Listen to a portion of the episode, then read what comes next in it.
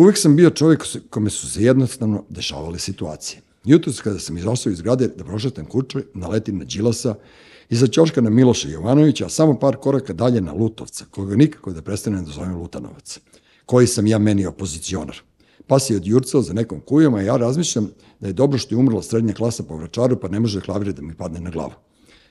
Preko puta ulice veliki red ispod apoteke, a na ćošku red ispred pekare. Pa ima logike. Pojedeš burek, pa odeš do razređivač holesterola tu preko puta. Suni traga. Ispred mene je prijurio u sklepanom vozilu sa kupač sekundarnih sirovina isti Ron Jeremy. I to u majici Sex Pistols, a bilo je tek pola devet ujutru. Brate, postoje dani kada je bolje ne podići roletno, vratiti se kreveti i čitati pisane romane o Vajeteru. Maskum Podcast predstavlja Treći svet, vaš domaćin, Dule Nedeljković. Kroz današnje epizode podcasta Treći svet na moje veliko zadovoljstvo, gospodin Veljko Lalić, novinar. Ja ne znam sad da te kitim nekim drugim ne, ono, ne, ono titulama i ordenjem, e, ne želim, ti si prosto za mene jedan ono, ono dobri duh Beograda i jedan ono, momak kome se ja uvek obradujem kad ga vidim na ulici, uvek imamo o čemu da pričamo, a upravo sam saznao da si usto jutro su jedan. Kad si usto? Jedan, pola, dva, tri? Ne. Ustao sam u tri, da. U tri ludaci Lalići gledate da, basket američki, tako, tako je, da ono... Tako je. I, I Ivan, je, Ivan me u stvari probudio u tri, ja sam nešto ono, navio sat u pola četiri kao preskočić u prvu četvrtinu, ali to je bilo neozbiljno. Dobro. Tako sam ja ustao u tri, da, jeste, to je beogradski život. Ja sam ustao u tri, onda mi je čerka, pošto sam sam sa njom i uopšte ne znam da ustaje, A ovaj, sad kako je kraj godine, onda njoj zvoni telefon u četiri, onda se ja zbunim, a tačno je bilo polovreme u četiri, onda ona izlazi pa se zbuni kao, šta, što si ti budan? Tako da ja gledam basket u, u, u četiri, ona, ona uči u četiri i onda na kraju, pošto sam danas trebao da se dogovorim sa Srđanom Valjarevićem, mm -hmm. da se vidimo i pričamo, njega zanima kakve su reakcije na knjigu Milovana Đilasa i onda u pola pet onako se dogovaramo, Srđan i ja, da se, da se nađemo ispred šanse. I onda smo se našli Srđan Valjarević i ja u pola sedam, da, sedam, sedam u, ovo, ispred šanse da ništa nije radilo, otišli u Metropol i raspravljali jedno tri sata gde smo odjedno videli da su skupili ti gosti, mm -hmm. da su krenuli čudno da nas gledaju sa svim tim, ono, Vuk Drašković, a, Milovan Đilas i sve ostalo. Tako da. bilo mnogo da, bilo je mnogo zanimljivo, malo sam umoran, ali dobro, to je normalno. Pa dobro, nema veze, ima tu na šta, tek još nije A, smrklo napolje, dan će još dugo trajati, tako da eto, vidiš, s, mene, s jedne strane mene napada opozicija po vračaru, s druge strane ti, ti se nalazi sa srđanom. Ne, meni potpuno genijalno to, znaš, kao ja prosto ovo zamišljam vas dvojicu u sedam ujutru, kao to je kao nekad, naš ranije nešto, ne, ali to je sve normalno, znaš, to je, to je tako normalno. Ali da pričamo o Milovanu Đilasu. Znači, da. to je tek onako potpuno... I, i, i, i, šta, i šta ste zaključili? I on u Japankama. Pa pazi, dobro, to je duga. Mislim, ja, ja mislim, mi smo gurali tu imali smo u tom dvobroju prvo taj veliki intervju sa, mm. sa to je jako velika knjiga, znaš. I sad je, na primjer, to, tu, tu se otvara nekoliko, jer on je mene pitao jedno pitanje, a čekaj, što se niko ne bavi osim vas sada, sada, sada, sada tom knjigom? I to je bilo vrlo zanimljivo. Dakle, mi sad pričamo, na primjer, kako je moguće da je sada izašla jedna, dakle, izašla je pre mesec dana knjiga Milona Đilasa, koja je mhm. skrivana 27 godina, dakle, nije za to nikakav thriller. Dakle, Milovan Đilas kao jedan od najvažnijih ljudi tog doba, on pravi taj dnevnik za koji ljudi ne znaju. On pravi taj dnevnik od 89. do 95. Dakle, do njegove smrti, najinteresantniji period raspada Jugoslavije i u toj njegovoj kući u Palmotićevoj sede svi. Dakle, svaki dan je tu Dobrica Ćosić, svaki dan je tu Matija, svaki dan su svi političari, svaki dan je Srđa Popović, Dakle, neverovatna jedna ekipa je, kod njega dolaze Oven i Stotterberg. Dakle, pričamo o jednom čoveku koji je dobio pola strane kad je umro u New York Timesu, pričamo o čoveku koji sam ja sad video, na primjer, pazi, u, u Mendelinoj biografiji, na prvoj strani Mendeline biografije kaže da je on bio jedan od prvih velikih, naj, jedan od najvećih svetskih disidenta, poput Milovana Đilasa, pazi, poput i Valslava Klausa. I sad nema ono, ja gledam, čekaj, da li ima da ti objasne ko je... Ko je Đilas, ne, je, podrazumeva se. Tako je, dakle, jedan čovek koji je sam to odlučio, dakle, drugi čovek partije, jel da, je ostalo čovek koji je sam to odlučio i sad šta je zanimljivo?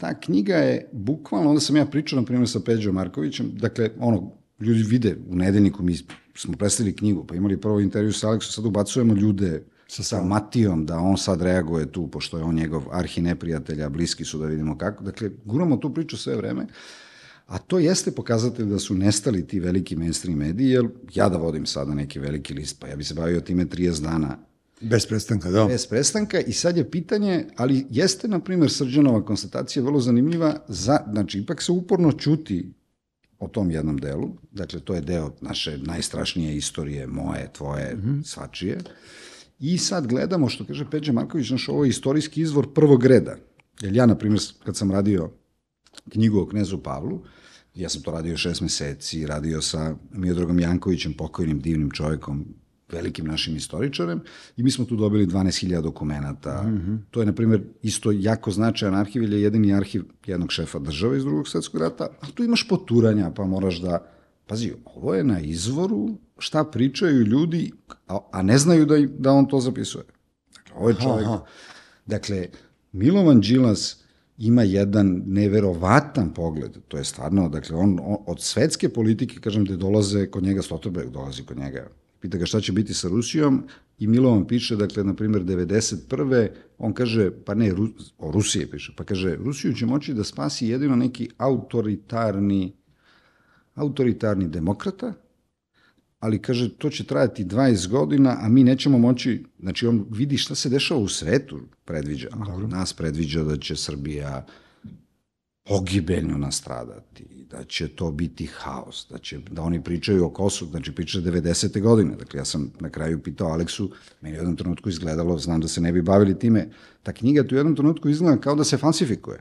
Prosto ne kao da je neko pisao posle. Pa kao da je neko, sad ti pazi, kažeš da ne može to u Hrvatskoj da bude. Tu se otkriva, na primjer, da je Srbija imala plan. Na primjer, prvi, on, da, Srbija je imala plan za raspad Jugoslavije, piše Milovan Đilas, mm -hmm. posle razgovora sa Dobrićom Ćosićem, koga zove arhitektom toga i srpski plan je bio, pošto stalno pričamo da nije bilo plana, a srpski plan je stvarno bio da ode Slovenija i da razorimo Hrvatsku. I ti si šokiran kad to čitaš, Dobro. a on to piše pre napada na Hrvatsku i kaže Crnogorci će da napadnu Dubrovnik, ide ka Zagrebu, ti kažeš čekaj, je, pazi, neverovatno čitaš, čitaš šta se tu šta se tu sprema, dakle, bukvalno liči na ovu akciju, kako danas svi pričaju Vukovar, Mariupol i to, dakle, vidiš, da. a on ti kaže, ne možeš ti narod koji hoće nešto na nekoj, te, ne, ne može to tako i bit će strašan poraz i bit će ono, pre, ono, kažem, bukvalno mi je izgledalo kao da, da, ali kažem, znači, mnogo zanimljiva stvar, jer je Milon Đilas u tom trenutku predstavnik, kažem, on je sa Srđom non stop sa tom ekipom, On kaže, te, te razgovore najmanje prepričava, kaže, slažemo se, ali to je jedan, u tom trenutku je, jel da, on kao veliki disident koji je to sam napravio, on je predstavnik te jedne građanske, građanske Srbije i onda pratiš kako gubi ta Srbija na svim frontovima. Na svim frontovima i to je stvarno sjajna knjiga. Pre nego što smo se uključili, vratit ćemo se samo, moram, moram ovo da, znaš, prosto sam te pitao, ali ne očekujemo odgovor od tebe. Kad smo mi postali toliko pravoslavni? Naš, e, prosto mi smo, mala ono, razlika je 10 godina, sam malo stariji od tebe, ja sam ipak zahvatio taj lepi, lepo, lep period življenja u Beogradu i u Jugoslaviji, ono kao prosto te farmerke u Trstu pominjane su meni bile dostupne, tvoje generacije već nisu. Kada smo mi počeli da srbujemo? Kada smo mi odjednom počeli da budemo osvešćeni da su nam dede bile na različitim stranama? E, odakle se Bregović setio Đilasa da ga ubaci, ubaci na pljuni i zapeva i moje Jugoslaviju? Kako su ti ljudi znali za to? Ja imam teoriju, kad sam pričao sa Deksom, ovde. E, ja sam mu rekao, ti si u Nišu imao vremena da razgovaraš, jer vi ste sedeli u kafani za stolovima, a mi smo odrastali ovde u Buci. Mi smo išli na koncerte, mi smo išli po klubovima, po diskotekama, mi smo se svi drali i nikada nismo imali vremena ni strpljenja da razgovaramo, da popričamo s nekim ko je pametniji i da usvojimo to neko, neko mišljenje. Ti kao novinar, naravno, pošto si ono imaš taj crv, ti si verovatno imao strpljenja i razmišljao na, na neki način o tome. E, šta se tu nama desilo? Smo se poseljačili, ili nismo bili dobro vaspitani? Naš, e, nekako ja religiju, kad je neko odan religiji, ja to e, mogu slobodno da interpretiram kao da je to nedostatak obrazovanja. Pa da, ili ljudi jedne knjige, jel da, kako, Prilike, kako da. pričamo, a to ne mora da bude samo ovde, da li su ljudi Biblije, mi živimo sa ljudima jedne knjige u svim oblastima, ja tako tretiram i ove ove, ove naše te kvazi nacionaliste koji onda samo pročitaju to jedno, vidiš da ne mogu da izađu iz toga, dakle nemaju dah, kako mi kažemo u novinama, dakle vidiš da jednostavno ga ne U dotiče... tunelu su, jebe. Da, bukvalno su u tunelu. Sad tu, pazi, ja tu imam jednu tezu, pošto ja znam da je Rosa tvoj drug, na primjer, Deksa je moja generacija. Da, smo da, se da, smejali, imamo i on je odrastao u Nišu, baš sam s njim jednom pričao kako je to zanimljivo, kako je bilo moje odrastanje u Beogradu i njegov u Nišu, jer kao mi jesmo bili na ulici, već u srednjoj školi si ti išao napolje, bežao iz gimnazije, zatvarao se i, i, i jel da imao si 9. mart, imao si ti taj dug Beograda, ti si radio na 92-ci, dakle nešto se, nešto se tu stvaralo i znam kako je to bilo interesantno, kako je bilo, na primjer, meni interesantno, jer su se ljudi smejali i nisu shvatili, onda sam ja pitao sve klince ili moju generaciju, jer se ja vraćam iz Italije u kolima i čujem slučajno kao, pazi, neku pesmu, znaš ono kako, kako ovaj, menjam radio i u Hrvatskoj čujem Bembašu, nešto Hari neki. I ja provalim, ja provalim da ta pesma je morala da bude hit, znaš. Ali ja kao, znaš, ova pesma nemoguće da se nije slušala. Pazi, ja prvi put u životu čujem Bembašu. Dobro. Znači, ja koji sam 76. prvi put čujem Bembašu, pitam Rosića, kaže Rosić, kako ne znaš Bembašu? Pitam Srđana Valjarevića, kako ne znaš ima onaj Japanac?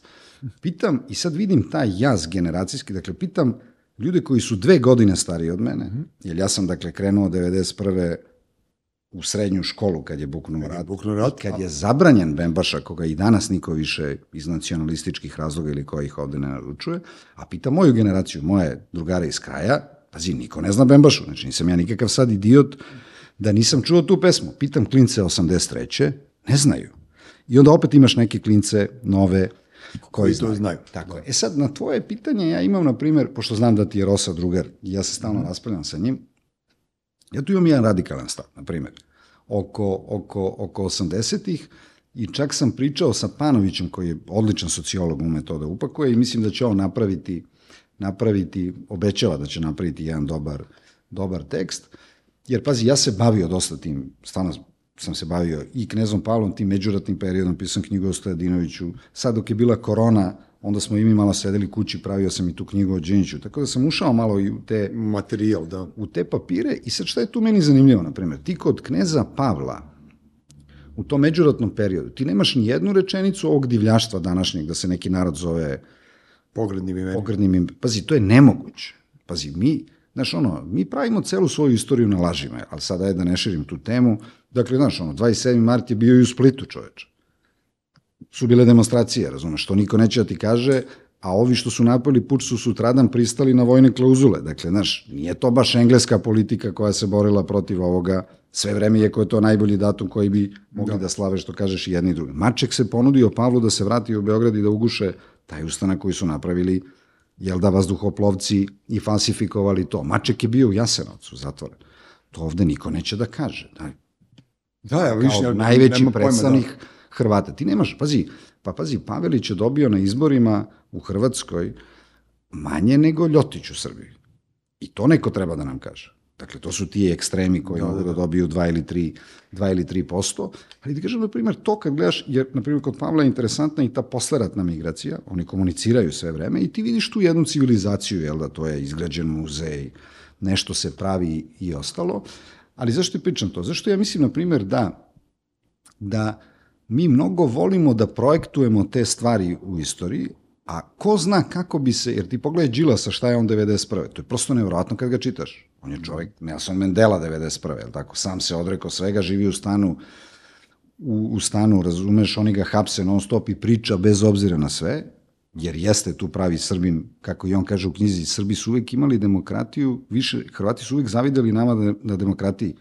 I pazi, to traje i danas. Ti tamo ne smeš da pričaš protiv domobrana, imaš zabranjene teme. Mi volimo iz onog našeg graja siromaštva da, to je dobro za novine, mi volimo da pričamo o svemu i da, Ma da. zato je Twitter dobar u Srbiji. Ovde, znaš, Twitter je najbolji u Srbiji, jer Srbi ono vole da podjebavaju. To je ono ostalo od Turaka do danas, znaš. Ja Ne, tebi to, preskačem to liniju. podjebavanje ponekad ume da bude ono užasno duhovito i meni je to ono super i, i sad kad sam kod podjebavao, pomenuo si Rosu, e, šta si sve uradio u životu, evo recimo meni najsmešnije i najviše te pamtim po rečenici kad si baš podjebao Rosu, kad si rekao što bi rekao Rosićev Facebook prijatelj Roman Abramović, pošto Rosa voli Chelsea, ja sam se na glas smeo i sad kad bi- me neko pitao zašto se smeješ, ne bi umeo da mu objasnim, ali nema veze, nek ostane, volim da ostane Mi se zapisano. stalno zezamo u novinama. Ti to si na kraju krajeva i diplomirao, je li tako, na 27. martu? Master sam uradio. Master, ili tako, da, da. Znači ti znaš sve, to vidiš to i sad kad si pomenuo Deksu, vi ste mi tako te, ne mogu kažem klinci, ružno zvuči, ipak ste odrasli ljudi, ali dobro za mene, jeste mlađa generacija, ali, znaš, ja, ja se divim vama koji ste temeljni. Znaš, nisi, nisi, nisi površan, vidiš ti, ti, ti sad za, u pet minuta meni kažeš nekih par stvari koje ja nemam pojma, a ja mislim za sebe da sve znam. Znaš, i to, to, to su neka, neka mana ljudi, ta, to nestrpljenje i zato na kraju krajeva ti treba da se baviš novinarstvom, a ne ja na primjer. Pa ne, ili ono, i rekao si jednu i savršenu stvar, moram da je ponovim, da, da, da, da, rekao si za književnika da ne mogu nikada da budu dobri novinari i s time se slažem. Tako I da, često ono, i obrnuto. I novinari su odlični publicisti, ali jako su loši književnici, zato što bi te zabolela glava kako kako piše. Ali ti završimo ovo, moju tezu s kojom se ti nećeš složiti, jer, je, jer se Roski ne slaže. Znači, ja mislim da je, na primjer, rat taj, i sad je zato opet, i to mi je potvrdio Đilas, da je taj rat 90. koji dolazi, da je to u stvari autentično ludilo 80. I sad, ne, pazi, sad ću ti objasniti. Teza je možda malo i radikalna, ali vidi, ne možemo mi da se pozivamo na ubistvo Radića u Skupštini i da, ili, na primjer, znaš ono, svi ovde pričaju ka, šta bi bilo da je Ranko, a otkud ti znaš šta bi bio Ranković? Pogledaj šta je Đilas u tom trenutku. Dobro. Đilas je protiv rata, najveći je, on je za konfederaciju, dakle, pot, znači, hoću da ti kažem da ti kad uđeš u tu istoriju, kako mi to, to su ti naši mitovi, jel da? Dakle, mi imamo jedan od najlepših mitova na svetu, to je kosovski mit, ali smo ga mi proglasili za zavet. Opet velika laž. Ja sve pitam nacionaliste kako zvuči, kako glasa kosovski zavet. Nemaju pojma, naravno.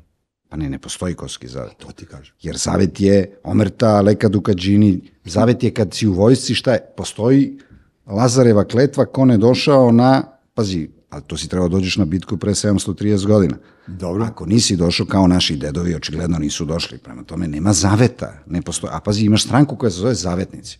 Ljudi, znate šta je zavet? A ti imaš divan mit, ali ništa nisi uradio po tom mitu Jeste. da pričaš da je Lubarda napravio najbolji kosovski boj i pobedio Pikasa, ali da je to bila moderna i da imaš Meštrovićev nacrt za Vidovdanski hram koji sam ja nudio svima, svi su rekli ovo je super, imaš nacrte za jedan od najlepših hramova. Tako da hoću ti kažem da ti 80-ih, koje su s jedne strane, dakle, najbolje godine, i pazi, ja isto tad odrastam, idem na more od jednom deset puta, sve je super, vidiš da ti Čale i Keva imaju puno para, meni se i razvode pred kraj, pa te ono podmićuju, znaš, ono, idem četiri puta na letovanje 91. nikad mi nije... Lepo, da. Nikad mi nije lepše. I ti sad imaš novi talas, znači ti imaš s jedne strane dakle Jugoslaviju koja je najnaprednija, jel da, u odnosu na to, imaš to rušenje pre toga tehnomenadžera i ostalo, ali sad ti gledaj, ti ovo što si pomenuo, znači ti opet 80-ih, znači kažem ti, nema Stjepana Radića, ne znamo šta bi uradio ni ovaj, ni o, mi ne znamo bilo ko šta bi uradio. Znaš, kad ja pričam s Darkom Hudelistem u Zagrebu, mi pričamo tri sata, on pravi veliku knjigu o srpsko-hrvatskim odnosima, mislim, pričamo u stvari dva dana smo u Zagrebu i pravimo neki razgovor s njim i ja mu kažem, čoveče, ali gde ti je Tito, čoveče? Kako nema Tita? Kao, sa, samo nema Tita. A Tito kad je rekao da je Hrvat je napravio, krenuo je haos. Da, da, da. Znači, pre toga su svi bili, i da je Tito rekao da je Jugosloven, imao bi bar 20% više Jugosloven. Tako da hoću ti kažem, kad gledaš to, dakle, ono, zvezda, znači, najveći napredak, ti ono, imaš Ante Markovića, imaš sve, i onda u tom trenutku, to ti kažem, imaš ti novi talas ali ti u tom trenutku imaš, ja mislim, iako to nekad zvuči teatralno, to možemo da pričamo, imaš te službe, koje se tada rađaju prave haos. Imaš tu moju teoriju, ja sam čitao tu Darkovu knjigu, genijalnu knjigu o Tuđmanu, zbog koje je Vučić tražio da Hudelis piše knjigu o njemu. Knjigu o njemu i on je stvarno tu najtemeljniji čovek, to je, to je brut, ja sam čitao dva puta tu tu, tu od Tuđmana, od da. Tuđmana, Dobro, Tuđman je bio ono kao ovde u Beogradu dugo tako, godina. Šta, tako. ne, on je bio ovde 20 godina glavni. 20 godina, ne? Da, Dobro. tako, vodio Partizan, oni kažu dobro, nije, vodio je, ali gledaj, on je bio čovek koga je Beograd is, ismejao. On je bio takav kakav je bio. Mi smo njega podcenjivali, on je teo bude pisac ovde i onda je pravio neke, znaš, neka otvorena vrata, oni su imali, to su zvali salon, mm -hmm. i onda on pozove sve pisce kao da dođu kod njega, jer je on sad pisac, general. I znaš ko dođe? Ne dođe niko. A dobro, zato što... I sad gledaj, ti, ali gledaj, sad ti imaš Tuđmana koji mrzi Beograd. Imaš Miloševića koji sam kaže da ne voli Beograd, neće da se pomeri sa krsta, ne podnosi centar grada, pazi, ne podnosi ga. Kuča ne voli Beograd, Alija ne voli Beograd, samo vole Crnogorci. Crnogorci, pošto Crnogorci uvek vole Beograd, jel da? Do ovog poslednjeg, do ovog poslednjeg intervala. I sad ti gledaš, znaš, ono, jer ti ja smo Beograđani, ja najviše volim svoj kraj, pa Beograd, pa mislim, ovaj tim redom. do Uvek ide Evrope, tako, da. je. I sad ti kažeš ovako, pazi, isto ljudi ne znaju. Beograd je 1914. znači pre nego što je napaljena Jugoslavija, pazi, Beograd je manji od Subotice. Znači, da, Subotica ima 100.000 stanovnika, Beograd ima 86 kao Zagreb. Bitolj je veći grad, do duše vozi se sa okolinom, Bitolj je veći grad od Beograda. Dakle, Beograd, znaš, kad dođu ovi pa kažu da su deveta generacija Beograđana, ti kažeš, vidi, to je bila turska kasaba, Teško da si bio rođen ovde. teško, znaš, ja kažem, pošto je moj čale iz Horgoša, ja kažem, ona Subotica bila, pazi, ozbiljna, ozbiljno urbana sredina sad. Dakle, najveća dobit Srba i najveći grad koji smo je Beograd. Dakle, ti dobijaš Beograd kao dvomilionski grad u onoj Jugoslaviji od 24 miliona ljudi, ti dobijaš grad u koji, ne znam, znaš, ono, moja kuma, njen tata je došao iz Splita i bio direktor štamparije i ta devojka je najdivnija devojka koju ja znam i koja danas u Parizu može vodi i galeriju i firmu. Ali je Marko moj došao iz Podgorice i, ja, i govori četiri jezika i najtalentovaniji je novinar i onda su došli ljudi iz, Make, iz cele Jugoslavije, znači Tuđman je, svi su dolazili u Beograd, a ti danas imaš Beograd u koji više ne dolaze ljudi. I mi ne možemo da imamo 80, zato si imao 80. Aha. Jer je cela Jugoslavija dolaze, to je bio New York melting pot i ostalo, zato su pravljene te zvezde. Svako je napravio karijeru u Beogradu. Da, ali vidiš, sad se ne, sto, ne znam šta, šta se Rosa ne slađe s tobom kad se ja slažem potpuno. Nije, ja, zašto? Ja ti kažem, samo da je autentično ludilo isto, jer, na primjer, ovo što sam ti rekao, prvo ovi ljudi nisu voleli Beograd, Dobro, to, to je druga priča. To Beograd je već, da, nije to je, mogao, pazi, znači mi nismo shvatili da mi nismo znali šta da radimo s tim gradom. Ono kad ti kažu najveći da grad ka- od Beča do Islanda, tako je, najveći grad od Beograda. Melting pot, pa zašto je New York veliki? Pa zašto najtalentovaniji ljudi iz celog sveta danas idu u New York? Tamo su svi, ali one sve rase, sve vere, sve, sve, svi ljudi, sve visine, težine. Da, Ti danas dobiješ kretene koji ti pričaju ko kakav ima naglasa, ko je, pa čekaj, odakle je Duško, Ra- ljudi jeste normalni, pa Beograd je, znači, melting pot, ti treba da čuješ u Beogradu, ono, znaš, ja sam se video sa, pre neki dan poslovno sa direktorom Mercedesa ovde, on je čovjek slovenac, jedva priča srpski, pa predivno, vidiš kako se to njemu sviđa, ali je šokiran kad je otišao na Kopaonik i kaže, kako, šta je ono, Ne, ne, To ne nešto, može se, u de, nešto se desilo. 80. godina, tu si upravo, pazi, Beograd je bacao svetlo daleko, što bi rekli pesnici, ovaj, i mi smo voleli, ja sad kad pomislim, cela moja ekipa, niko nije bio iz istog grada. Ja sam rođen u, u našem kraju, tu ispod Skupštine, ovaj, naš, i, i sećam se i tada da su dolazili sa svih strana, moj najbolji ortak iz Šapca, druga dvojica iz Herceg Novog, treći iz Kragujevca, mi smo bili to, i to je te različite fore, ali smo imali iste interesovanja, su nas u stvari pravili na, na ljude kakvi smo bili i ne znam, ali vidiš, ja nikad neću otkriti kad, gde se provukla ta ekipa koja nam je živote zgadila, razumeš? Gde, su se provukli ti? Da li su oni potekli iz salona Đilasovog ili su oni potekli sa akademije ili su oni potekli iz zvezde? Odakle su se pojavili ti ljudi? Jer oni su ipak bili obučeni na neki način. Znaš, neko ih je zadojio. Neko, opet ja neko- imam, pazi, opet ja imam Neko im je usadio tu, to, to, to loše srce, znaš, to, to poison heart foru, znaš, neko ih je otrovao, a na osnovu čega, šta im je ponudio kad su ovde imali sve? Bukvalno su imali sve, znaš, bilo je vrlo liberalno živeti tada u Beogradu. Pa kako nije? Jel pa mi smo imali sve, sve kažem, ti, ti si možda bio mlađi e, u tom smislu kao dečak, kao ne znam, ja ni- nisi stigao, mi smo bili momci već onako odrasli i drugačije smo doživljavali, ja sam bio prvi put hapšen kad si ti dobio pionirsku maramu, nije bitno, ali prosto i kad si pominjao kneza Pavla, mi smo bili e, kao ekipa zbog tih ideja da vučemo Jugoslaviju i Beograd ka zapadu, bili smo i hapšeni i na informativne razgovore privođeni, ali sve to bio šarm nekog odrastanja, nije bilo ništa toliko strašno i odjednom se provuče ta ekipa gmazova tih šešelji i pitaj Boga ko koji su nam u stvari živote zatrovali. Pa da, Su napravili celu tu frku. Slažem se, ali ja ti kažem, znaš, ja mnogo volim brojke. Znači, ovo što si ti rekao, znaš, i ono, ja pratim, ono, nedeljnik pratim gde se prodaje, ja ga vidim po, znaš, i to je mnogo smešno, ti to gledaš, ono, to je, aerodrom je glavni, pa ti je glavni, ovo, kako se zove, na platovu ti je najbolji kiosk, pa ti je sledeći ovaj u Knezu, pa Pamotićeva manje, pa Vračar 20 do 30, pa Zvezdara 12 do 15, pa Mirjevo 8 do do 12 i onda mali mokri luk 2 i tako gledaš celu Srbiju, znaš kako Novi Sad on nema vrača, nego ono ide centar grada, pa je, mislim, to je, i sad pazi, sve to ima neku zakonomernost. Ti sad imaš i mi pravimo taj veliki tekst. neće valjda niko da nam ukrade, ili je sad 50 godina, na primjer, Bugojanske grupe. Dobro. Ti sad vidiš kao Bugojanska grupa je čuveni taj upad Ustaša, jel da, u Bugojno, haos taj, pobili su ne znam ja koliko ljudi, kako su ušli, ali šta se dešava te 72. Znači, 72. godine upadaju Ustaše unutra, služba državne bezbednosti, dakle na glavnom nivou, donosi odluku da kreće u znak odmazde da ubija emigrante po inostranstvu. Ona donosi tu odluku.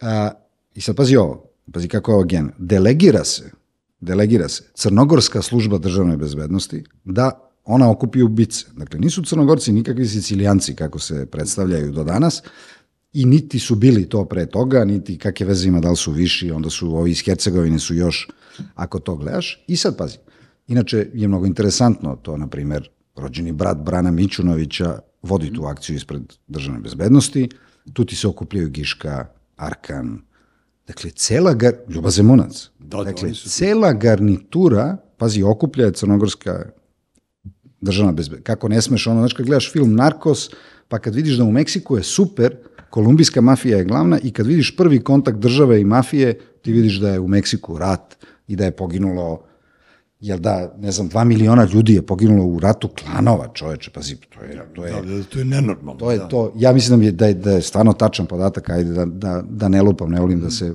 da se gađam sa ciframa, znam da sam bio šokiran, gledao si Narkose seriju. Jasno kako nisam veliki fan. I sad ti, pazi to, znači, ista stvar, ti imaš kontakt države, mafije, imaš čak jedan klan koji do danas uzima sve, jer je krenuo da radi odatle, dobio sve te stvari, i kažem ti, koliko god ja ne, ne, znaš, ja ne volim te teorije zavere, niti mislim da je taj debe na brdu kao nešto važan, ti operativci što rade, ali kad pogledaš taj mrak koji smo mi dobili 90-ih, kad pogledaš te igrače koji su svi do danas tu, koji se svi dogovaraju, kad pogledaš da su, jel da, šef državne bezbednosti i načelnik generalštaba slučajno u trenutku kad je Đinđić ubijen, sedeli sa dva novinara na ručku, znaš, ja ne verujem u koincidencije tog tipa, ovaj, jedan je bio s Dinjom, jedan je bio sa Bujketom, I ti kad vidiš to kako to je, kažem, i to sad opet je Đilas tu jako dobar, kad ti vidiš Dobricu, kad ti vidiš tu ekipu koja, znaš, ima taj, taj nacionalizam i oni kad sednu, znaš, ti i ja smo sad sedeli pre ove emisije, jer smo kasnili sat vremena, ispričali smo se, izezali smo se, znaš, ono što ja danas pričam, ono, Vučić nam je ubio blejanje, znaš, znači u petoj jeste, reči, to, to, to jeste. Vučić je ubio, ej, čoče, ovo peta rečenica Vučić ili sada peta rečenica Ukrajina, ja ne volim tebe, ti mene vidiš da je haot, čoče, ej, taj bre, pusti malo da sedimo ono i da pijemo A mi smo, a, to što ti kažeš, stvarno smo izblejali to mi je ono užasno prijelo i nismo pominjali ove teme koje pominjamo čim dobijemo mikrofon ispred sebe, znaš, jel, ipak moraš da imaš odgovornost, moraš da se baviš, ti se baviš javnim poslom, javna reč ima neku svoju težinu, ma kakva bila, i onda mi kao neka odgovorni ljudi, mi moramo da počnemo da korigujemo ovo društvo, da se trudimo na pravi način, da radimo prave stvari. U trenutku kada je svet ono preplavljen lažnim vestima, kada postoje društvene mreže i kada je veliki, kako ti kažem, po meni, kao lajku, ja naravno ti bolje to znaš od mene, su print mediji ugroženi, naročito ove dnevne, dnevne novine, e, nedeljnik, ti, brate, guraš 10 godina i to onako žestoko punim gasom i sad sa ovim sa Đilasom i još nekim temama koje ste otvarali u poslednjih šest meseci, ne da ćete da produžite vek svog trajanja, ne da ćete da, da budete i dalje čitani, nego, nego prosto ostali ste jedini. Znaš, sad, e, to je, da li je to hrabrost ili si prosto tako sazdan? Jer ja, znaš, neću da etiketiram nikoga, ali ja mogu, recimo, meni su nije ni vreme postali pamfleti, meni to više nisu, znaš, ne, nešto im se desilo, mnogo su se, ovaj, mnogo su ublažili, nemaju dobre novinare, ili nemaju taj tu količinu Da, nema e, sad ne, nema kako ne neću da pričamo o njima nego nemaju e, ne prosto tvoj tvoj novinu kad čovjek otvori vaša imena vam daju legitimitet da nešto radite. Ipak ti si okupio reprezentaciju, a ovde ko se zadesi, znači ne pričam ništa, ja pričam svoju lično, ne trebam ja tebe da se ti izjašnjavaš oko toga. Ali meni je drago da postojiš. Te, moram da te pitam da ne zaboravim, ti si napravio to neko objedinjenje, ubacio si u nedeljnik New York Times, ubacio si u nedeljnik Mondo Diplomatico, e, to su potpuno fenomenalni uraci. Znaš, drugo, ti prevodi, ja sam video ko tebi prevodi, ti si to ozbiljno, znaš, nisi ti uzeo to pa prevodio dok gledaš basiti, nego, nego si se ozbiljno bavio time i ti kad uzmeš recimo taj New York Times, taj dodatak, ti onda vidiš bre, da svet je potpuno drugačiji nego što nama neko priča.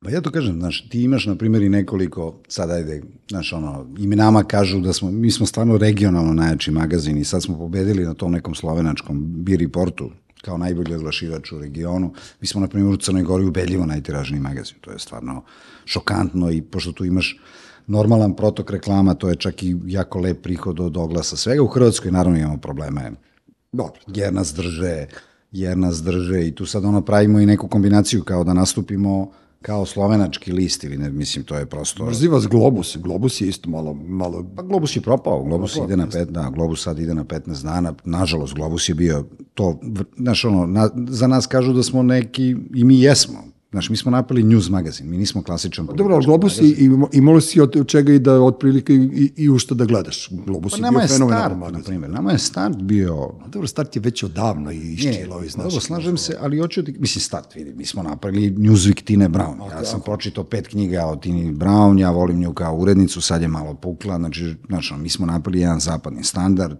to što si ti rekao, mi smo 14 godina već zajedno po raznim medijima, Roske i ja smo sad pričali, ono, čoveče, neverovatno. da, da, Veljko Miladinović, ono, ono, ja sam mu šef sve vreme, mislim, to je prosto kao, mislim, šef, ono, mi smo drugari Ne, vi ste familija. mi smo tako je drugari, tako, tako, tako se ponašamo, znaš, ono, to jeste, to kad ti, znaš, ono, na primjer, mi ne dobijamo grantove zato što svi pričaju kako nama dobro ide, znaš, ono, ja pitam, a kako ti znaš sad, mislim, vidi, pošto ja ne kukam i nama ne ide, pošto ja kažem ovo kako ja gledam brojke, vidi, tebi je danas u Francu, tebi su danas u Nemačkoj najveći je, najveće nedeljne novine i Špigl, i Fokus. Tebi su u Francuskoj dnevne novine veće od dnevne, ovo što si ti rekao, dnevne novine pritiska internet, a onda ti upravo sad ono svi pomeraju, nekad je ponedeljkom su izlazili taj mi taj mi, kako se zove, Newsweek, pa i oni pomeraju se, sad to čita pred vikend, čita vikend, se da, da, sedam dana, sad tu da ne otkrivam tajne, na što, sad, na primjer, Glossy magazini već ne idu, njih je ubio internet sa jed, Instagram sa jedne strane, jer ti sad pratiš ono, Jeste. na Instagramu jednu osobu, ne moraš više da kao čitaš GQ, da ti on kaže koje je mesto u Parizu. S druge strane, znaš, teške su novine, kao ti sad ne smeš da imaš ni, imaš čak tu foru, znaš, ti Playboy kad uzmeš, ne, ne želiš da ga nosiš kako ti se smanjio telefon, nego kao sad novine treba da, da, možeš. Znači imaš i sve te, ali ja kažem, mi uživamo u tom velikom tekstu, u tim nametanjima tih velikih tema, u tom regionu, mi sad imamo i regionalno izdanje, znači onda kad imamo, naprijed, sad imamo Blaža Sliškovića, fenomen, znači ono, 30 ljudi mi je poslalo. Ne, ali ja moram, mislim, moram da pohvalim. Neću ja sad da, da, Da, bude ovde pa da si došao da te ja naravno. hvalim. Ali Naravno. čekaj, izvući Baku Sliškovića koji je sinonim jednog vremena. Pa si Baka se oženio svoje vremena sa Cecom Kitić. Brate, mi smo svi ono, da ne kažem šta na Cecu Kitić, razumeš ono, tako da ono, znaš kao prosto ta fora, pa sećam se taj, taj, to, to ludilo oko njegovog prelaska, na kraju ga je Hajduk marnuo ispred zvezde I sećam se tih obećanja koje mu je Džaja govorio svoje vremeno i Miljan je bio uključen u igru, ali on je, znaš, on je tamo ono, mostarac, brate, skako s mosta na glavu, pa, pa je malo otiš, pa je otišao u Hajduk i on je jedna fenomenalna ona osoba. Svi nešto kao, ne znam, Sušić, svi nešto, ne znam, Čava Dimitrijević pokojni, svi ovo, svi ono. Ti se setiš Bake Sliškovića koji je bio stvarno sinonim jednog vremena I kao ti kroz njegovu, i sad šta je rekao? Ja ne znam, pošto, znači, tu toj količini informacija da te podsjetim, on je rekao nešto potpuno genijalno. Umro mu je ortak s kojim se ga družio ceo Metla. život. Metla. I on kaže, jebote, ja kad je on umro, ja, nisam, ja sam tek tad provalio da ja ne znam kako se on zove i preziva. I evo, ja sam se sad naježio nešto. Tad je e, shvatio da je musliman, a pazi, on je kao, jel da... Nema pojma nije imao, brate. On je bio metla ceo život, razumeš? I to ti je ona čar, ne znam koliko, čovjek, koliko je čovjek bogat kad ima takve prijatelje kojem je nadimak metla. Kao ja, što, znaš, kao, meni juče e, ćerka kaže, kako se Charlie zove? Ja kažem, Dušan, pa kao isto kao ti, ona zna ga ceo svoj život. Znači, on je Charlie nama svima, znaš, i to je, to je bogatstvo kada ljudi imaju to.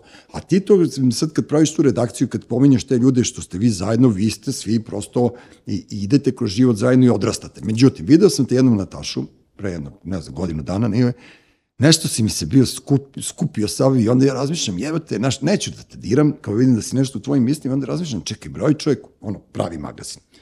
Ima zaposlene u redakciji, prelama taj magazin, on e, brine se o platama za, zaposlenih, brine se o plasmanu, znaš, kao, ti si ono, menadžer i još pritom radiš nešto što je potpuno za mene nezamislivo, pišeš bar jednu kolumnu nedeljnu. Razumeš, znači ono, odakle, brate, snaga, kako, znaš, kako si izvukao to, zašto si od svih privatnih poslova na svetu odabrao da se baviš, da izdaješ magazin? Pa da, Nije pazi, bolje to bilo je- da smo otvorili kafanu, brate, i, To i je dobro pitanje, znaš, i meni je dosta ljudi, vidim da sad dosta, mislim, pazi, ja sam imao dosta nekih. Čekaj, samo da ti kažem jednu stvar. Ti prvo što si pismen od sporta do nauke. Znači, lep si, zgodan si, mogo si i fashion da se baviš. Razumeš, nemam pojma. Gde si našao najteže? Ti si otvorio rudnik u stvari. Pa da, ispričat ti jednu zanimljivu priču. Pazi, tu postoji nekoliko stvari zato što ja sam stvarno imao nekoliko ponuda da se bavim, da se, da, da se bavim biznisom. Brat mi živi u Americi, brat od strica, mi smo jako bliski, mi živi na Novom Zelandu. I ono, ja sam za malo nekoliko puta otišao, ali kažem, imao sam, i, imao sam ponuda da se bavim biznisom i onda ti isto kažeš nekad sebi, ali to meni zvuči kao, ovo sa, kao žena kad kaže kuca nisam udala za onoga, znaš, i onda to mene- dobro, da, kao, da. znaš, Pa to je, to je, Pa jeste, to je da. više taj deo. E sad, pazi, bilo je vrlo zanimljivo, znaš, pazi, ja obožavam ovaj posao. I kažem ti, pa naravno. ovo što sam ti rekao danas, evo, pazi, meni sad dolaze moja dva drugara iz vrtića, Pera koji je doktor nauka u Oslu i Marko Savić koji je snimao Žigosana, ide u Apatin, sad snima nešto, gleda i mi smo najbolji drugari dolazili, još da kažeš, pošto moja čerka, svi moji najbolji drugari iz kraja su Bana i Sisa, ja ga zovem Sisa ceo život i sad vidiš da neko reaguje, pazi, niko nije ni reagovao na to, Siniša se zove čovjek, kako da ga, Da. kako da ga zoveš? Pa sisa. kao. Pa naravno. Da, da. Ali pazi, ovaj, bilo je to mnogo, znaš, kažem ti, sad kad bi ja to, znaš, ono, meni to, znaš, kako oni kažu, kada ti radiš ozbiljan biznis, mi sad pravimo veliki dodatak how to spend it, vidjet ćeš, to će biti fenomenalno. Na specijalnom papiru, crtamo ga, to radi dečko koji je došao iz tog fashion magazina, isto, ali opet da bude u tom našem nekom fazonu. E sad, znaš ono, tebi kažu, na primjer, biznis je kao kokain. Pazi, to je hemija. Dobro. I oni tebi kažu, znači ti bukvalno kad napraviš dobar posao, ti sad napraviš neku šljaku od godišnji ugovor na 20-30, ti se stvarno osjećaš dobro. E sad, šta je problem? Kao sa koksom, on te posle popusti, znači tebi kako prođe taj godišnji ugovor, kako dolazi drugi, tebi kreće i tebi u glavi, znači to je, jel tako, pazi, to je, znači čitao sam ozbiljne, ozbiljne analize oko toga. Da je biznis kao kokain i da su, za, kažem ti, dopamin ti izlazi. Problem našeg etatističkog društva je što oni sve završavaju u kafani i oni čak nisu ni tu sreću biznisa osetili. Dakle, oni ne znaju kako je lepo kad napraviš pare, nije bitno kolike su. Kad ti napraviš nešto što je lepo, kažem ti uz ovaj posao koji je, ja sam stvarno odrastao u, u novinama, Čale mi je bio, znači on ceo život si tu i sad kažem ti, ti nedelju dana, ono, ti tu srećeš najrazličitije ljude, sediš, znaš, ja sam spremao knjigu Vladike Grigorije, pa ideš da se vidiš sa njim, pa s Papićem da pomogneš ovo, a ovde te zove ovaj poli... a mislim, znaš, ono, a ovde je Željko ali to Obradović. je lepo. Tako je, to je najlepši deo naše profesije. I s druge strane, kažem ti, na primjer, oko tog biznisa koji si pomenuo, pošto to kao kad potone čovek ili ne potone, mi smo bili na Mokroj gori, Srđan Neđijević pravi taj neki panel, on pravi te čuvene panele, i sad je bio Mišković na tom panelu, i ja pitam Miškovića na tom panelu, bila ozbiljna ekipa ljudi iz Makedonije, bio Janković, gradonačelnik Ljubljane i ostalo, i ja pitam, pošto ima neki zanimljiv deo gde Mišković kaže kao kako je davno završio sa ličnim bogatstvom. I kao tad ne razmišlja o tome što je normalno. I ja ga pitam koliko je to? Šta je cifra? Mm -hmm. Ima cifra? Pitam ga na gde- panelu. da. Je to 3 miliona, 10? Kad ti kažeš sebi, pošto je da svi guramo sad ovo ili ono, on izbegne da da tu cifru i sad mi sedimo, na primer, za, na, na večeri i ono, popili smo sad ludilo i kažu oni meni, a šta je, sad se kao lupaš, nema cifre, kao, kažu oni meni, ja kažem, pa ima cifre, kako nema cifre? A slučajno sad onako pripit, ja kažem, ovaj, a ponosan sam na to, što, na tu rečenicu, znači, ja kažem, imam cifru.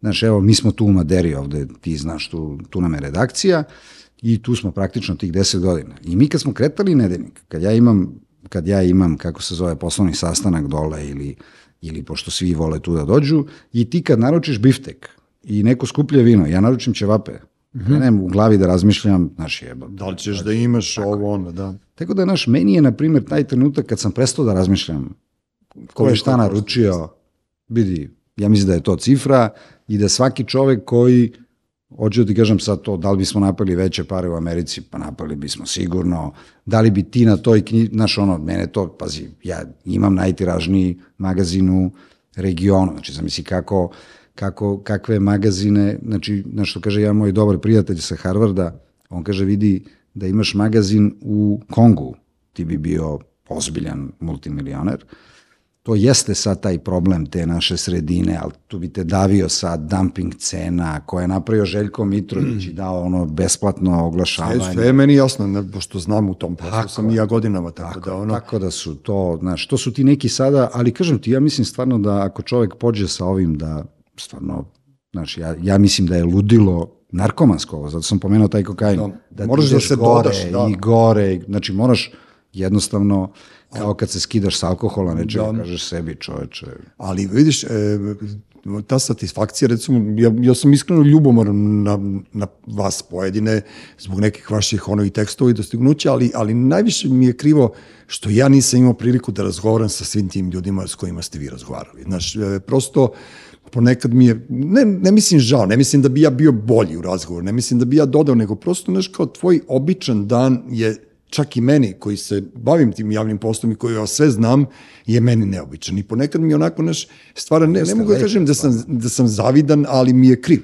Znaš, onako kao, jebi ga, kao evo Veljko je sad sa žocom. I sad kao, znaš, da li on njega pita ovo? Pitaš ti njega 100%, ali ne staviš u novine, tako da, to je to. E sad, znaš šta mi je bilo... Ko e, to ne voli, ne treba se bavi. Ja to pričam na, na FPN-u kad im E, ako, ne, ako se ne ložiš to na priču, na to, Treba da se ložiš. jer valjda svi živimo od priče, znaš, šta je lepše od priče? Šta, za, kako bi radio da se ne ložiš? To je cela priča. Vidiš, e, svoje vremeno kad si radio sa Francis, Francisom Fakarijaramom, kako se već da, da e, bio je fantastičan naslov koji mene loži, ja sam ga isekao. Ja imam još uvek, Ranije sam sekao večernje novosti, pošto su večernje novosti u naše vreme, kad smo bili klinci, imali te, e, taj malo ono, Jovan Hadži Kostić, pa onaj Trn, pa su oni imali te malo, e, kako da ih nazovem, ne mogu kažem tabloidne, ali malo senzacionalističke naslove za razliku od politike i politike ekspres. Znaš, i ja sad od tada imam foru da sečem novine. E, ja sam isekao taj naslov tvog teksta, neoliberalizmu je odzvonilo. I ja sam strašno bio ponosan, jer taj čovjek je rekao nešto što je moj životni cilj, da ne umrem dok neoliberalizmu ne odzvoni. Jel, jel misliš da smo mi blizu toga? Nismo, a? Pa pazi, to je bio njegov, ja sam radio nekoliko... Jel on je neosporno prepan. Da, ja sam radio nekoliko intervjua i taj intervju je bio, to je bio početak korone. Taj Dobro, to je bio stvarno... A jeste pre jedno dve godine, da, Tako je. tako je. Tako, baš je krenula korona i onda je nešto bilo i sad, pazi, on je čovjek koji je najavio, jel da, kraj civilizacije, to banalizuju ljudi, nije on to najavio na taj...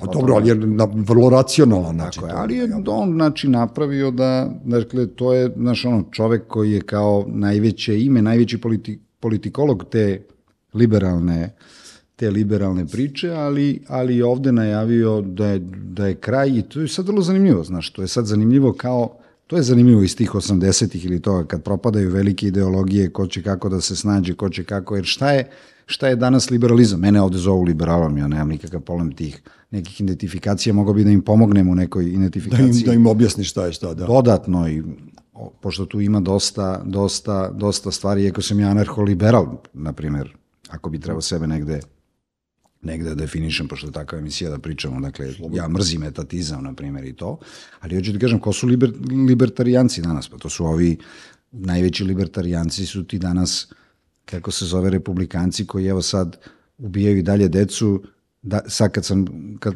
pre, pre, pre ove emisije sam čitao da, pazi, on moli čoveče kongres i senat, treba im deset republikanaca u senatu, on ih moli da pomere granicu da mi sad pričamo da trebaju da glasaju klinci, on ih moli da pomere granicu da kupuješ automatsko oružje od 18 do 21. Ljudi, jeste vi normalni? Pa nisu. Da li ste vi normalni? I pazi, oni to zovu, ja sam pričao s nekim republikancima i oni meni kažu, znaš, ti, ti prosto ne veruješ kad razgovaraš sa njim. On tebi kaže, znaš, oni imaju devizu tu koja stoji na koltu, oni kažu, Bog na, Bog je stvorio čoveka, kolt ga je napravio jednakim. I oni ti, i ti, ti na primjer, slušaš, ja sam slušao te ljude, verovatno si ih i ti dosta si putovao po Americi, ti ne veruješ šta ti pričaju. Ne, ne, ali ne shvataš u Majamiju, ono, znaš kad vidiš, kad se svađaju ljudi, stvarno, znaš, ono, ja sam gledao kad urlaju jedan na drugog, nema nasilja, to je tačno, znaš, pošto Ne, ali oni se leti samo oružje. deru, da, drugačije. je, Tako da. je. Pa da, da, ali pazi, u Majamiju ja gledam na pumpi, nije ti jasno šta izgovaraju jedan drugom, ali obojice imaju pištolje, čovječ, pa znači ne možeš da se tučeš sa pištoljima, naravno. Ali pazi, znaš, to je tako da je taj, tako da je taj Fukuyamin ovaj, tekst fenomenalan, ali kažem ti, ja mislim da je društvo, opet pre neki dan je bio neki Harum report, ovaj, koji sam čitao i kaže, na primjer, pazi, u komunističkoj partiji Kine, jer je sad tamo isto haos, nezadovoljni su, prvi put Amerika ima veći rast od Kine ove godine, da, prvi put posle 19 godina, i kao ima sad i vidiš da idu polako ti tekstovi, ali kaže ovaj, a, 650 milijardi je vrednost lične imovine članova KP Kine. Čekaj, čoveče, je li to komunizam, čoveče? Šta je to? Pa onda pogledaš, znaš, pogledaj te Putinove tajkune, znaš, koji su, pazi, mi nikad nismo imali te oligarhi, pazi, ti sad od Romana, ovog Rosića. Rosićevog ortaka, Tako je. Čekaj, pazi, ej, neko ti dao, ovaj ti dao nikl, ovaj ti, pa tako može se obogati budala. Pazi, ovde, na primjer, do ove poslednje etape stvarno niko nije uzimao resurse. Znaš, sad ti uzmemo TIA, RTB Bor i šta je, šta je teško da se obogatimo sa prirodnim sa prirodnim resursima. Znaš, tako da svet stvarno ono, to je, to je jedan, jedan najdivljiji taj kapitalizam u stvari u kome, u kome, znaš, mi pričamo isto u Srbiji, stalno pričaju u, u Srbiji, pazi, u Srbiji je kapitalizam van Beograda brutalan. I onda, znaš, ono ti pričaju ljudi, pa čekaj, ovde tebi predsednik priča kako daje pare. Ja vidim, ovde ljudi stalno pričaju da daju plate. Pa ja tu reče, ja, ne, ja nikad Da, da, nisam razumeo tu daju- reč. daju plate, Onda ti daješ platu, pa čovjek je zaradio neki novac i ti živiš dobro zbog njega. Koliko je to, pazi, to je najkapitalističkija izjava koju može, to je kao ono 19. vek. Jeste, da. Znaš, tako da vidjet ćemo kako će to da kako će to da kako će to da ide meni je opet drago na primjer kažem ti ono sad sad mi je i ćerka u tim godinama meni je brat doktorirao na Harvardu predaje u Sijetlu znači onda mi je zanimljivo na primjer gledaš ove sve te bogataše i naše znaš imaš onaj prag 4% kao što vidiš niko ne može upadne na Harvard koliko Pa god da, para da imaš Ali vidiš ko je sad, ja, da, da, to je to. E, a vidiš, izvini što te prekidnem, ali samo da ne zaboravim, vidiš sad, neko je jutros rekao ili ne znam ja, da će svet da uđe u problem pošto nećemo moći da nahranimo bogate.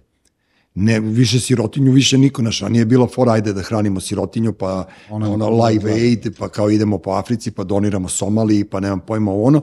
Sad će biti problem bajo što mi nećemo moći da nahranimo bogate. I što će bogati da nam otimaju svu hranu. I, to, I na to se sad svodi kao ta neka svetska igranka, bar meni kao lajku. Znaš, ja sam ceo život ono, ti kažeš anahronoliberal, ali ja sam ceo život ono punk rocker. I ja prosto to naš gledam na takav način i, i strašno mrzim tu hipokriziju i, i, i ja kapiram da će sada da počne, više se nećemo otimati, nego će plaćati pre nas, pre nego što dođemo do bilo čega da otmemo. A Ja, to se imaš- dešava, to ti je to sa tim oružjem, ta svađa. ne, E, nema više ono, znaš, kao kad se neko zaleće jedan na drugoga, niko nema e, muda da udari. E, ranije su udarali. To je ta priča. Ali ti imaš, na primjer, znaš, ima taj donat, tu čuvenu kolumnu, kao Dobro. zašto je ova godina najbolja od svih. I onda to, kad ti izbaciš statistiku, ili taj Pinker je meni omiljeni sada, sada ono, taj statističar šta je, dakle ono kao posle ovoga da sam ostavljao cigare posle Hararea, znaš ono, da, pošto da, misliš da ćeš da živiš večno, ali znaš ono, ti sad na primjer, opet kažem ti, u tom srcu, zato kažem kako je to na primjer perverzno, jer je u tom srcu kapitalizma ovo što sam ti rekao, ej, ne možeš da uđeš ti na faksi, vidiš ono, stalno ti kaže da su upisali, ne, ne može, uđe 4%, moraš da imaš Jasno mi je. 100, možda imaš milijarde. I sad ti gledaš, znaš, nije Trump mogao da se upiše, zato mrzi tu elitu. Ej, Trump, čoveč, mislim, komu je bio, komu je bio Ćale, pa išao na West Point, znaš, odbili ga na. Harvardu, svuda, znaš. E sad, kažem ti, jer šta je tu sad, Jer ti, na primjer, kad pogledaš listu onu najbogatijih, hiljadu najbogatijih na Forbesu, znaš, samo jedna porodica je od pre 50 godina. Aha, svi su novo bogataši. I to je 977. i to su Rothschildi. Znači, jedan od Rothschilda je, ali pazi, on je danas za ove, znaš, svi su kao prošli ovi što su stvarno nešto izmislili i napravili. Znaš, kažu da je u poslednjih 30 godina na berzi jedino Microsoft uvek među pet. Ovi ostali, da. je- Znaš, pa propadaju firme. I sad to je neverovatno, znaš, ono, kako je taj, taj kapitalizam kad ga povežeš sa državom, kao kod nas, sa ovim službama koje smo pomenuli, sa tim da se u kafani završavaju priče, sa tim da ti neko da resurse, kak, s tim da ti ljudi nemaju ni, ni dopamin, jer ne znaju da završe posao, oni ne znaju kako je lepo kad napišeš knjigu, smisliš ediciju knjiga i još zaradiš na tome. Pazi, pa ti se osjećaš, da. ti se stvarno osjećaš dobro šest meseci, tužan si možda, ono, znaš, ne prođe ti neka knjiga pa ti kao poludiš, ali to je valjda svrha biznisa. Ja čak ne razumem ni što se bave onda, šta treba ti još veća kuća, jahta, treba ti... Ne znaju, znaš, ono, to je ono Milić Vukašinović rekao, ko ne zna sa 10 maraka, ne zna ni sa milion. To ti je to je, znaš, I ono. trebaju im, znaš, to je, evo ti Kokeza kupuje Šibenik, uzdo 600 miliona, ne, zna- znaš, ono, ali čekaj, okej, šta, trebaju vam Ne znam, ne znam, naš, ne znaju oni da... 50. godini, pa nisu to proživjeli i onda im, ja mislim da im trebaju te na švalerke koje tako izgledaju. Sve im... Separej, da, da, da. Ne, oni nisu nosili farmerke do 40. godine i to je to, nemaju to, on, taj... Je problem. Oni ne, nemaju tu bleju, znaš, ja, ja, ono, ja sam mogu i sa, sa, sa ovima ispred samiške, a mogu sam i sa direktorima, tako da nije, nije nikakav problem. E, I taj biznis kad pominješ i oni, znaš, kad, kad neko ne zna da se bavi biznisom, nemoj, brate, da se baviš biznisom i ono kao, svi su danas biznismeni, svi bi da vrte mobilne telefone 3, 4, ovo svi zidaju po Beogradu, sad su svi investitori. u I pitanju. svi nose ove ispod, jel da? Da, one, nešto, Svaki- sve što je bilo ranije sramota, ono da si ćelov, da imaš bradu i da nosiš pederušu, sad je postalo in. Tako da ono, znaš, ajde, nema veze, neko će mi izlupati jednog dana zbog toga. Još jednu stvar, e, vrlo verovatno, znaš, kad već pričamo o Americi, sad ja sam tu malo raspolućen, znaš, malo mi se ne sviđa šta mi šta se dešava tamo, a s druge strane meni srce vuče na, taj, na tu stranu sveta, ja malo, malo podem u New York i nekako, znaš, kad e, sednem, imam tu svoju igru, naš sednem u bilo koji lokal na East Village i gledam i kažem, e sad sam video ovog čoveka i više nikad ga neću videti u životu. Sad sam video ovu ženu i tako, znaš, taj, ta, ta, ta multikulturalnost. I Maki, moj drugar, koji je od 89.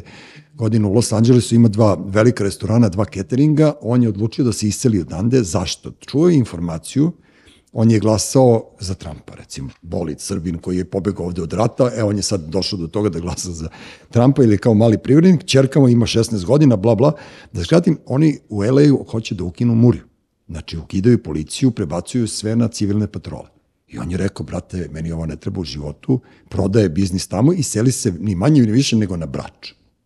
Znači, on se od, posle 30 i nešto godina vraća u Evropu. Sad, da li on meni reprezent tog ludila što će dočekati Ameriku u idućih recimo 5 do 10 godina, ili neće to da traje večno. Naš, uvek, uvek neka generacija mora da najebe u, u nekom trenutku, ali nešto se tu meni ne sviđa. Znaš, ti isto ideš često u Ameriku i ti imaš taj američki način razmišljenja. Da li misliš da su oni malo prezupčili svemu tome?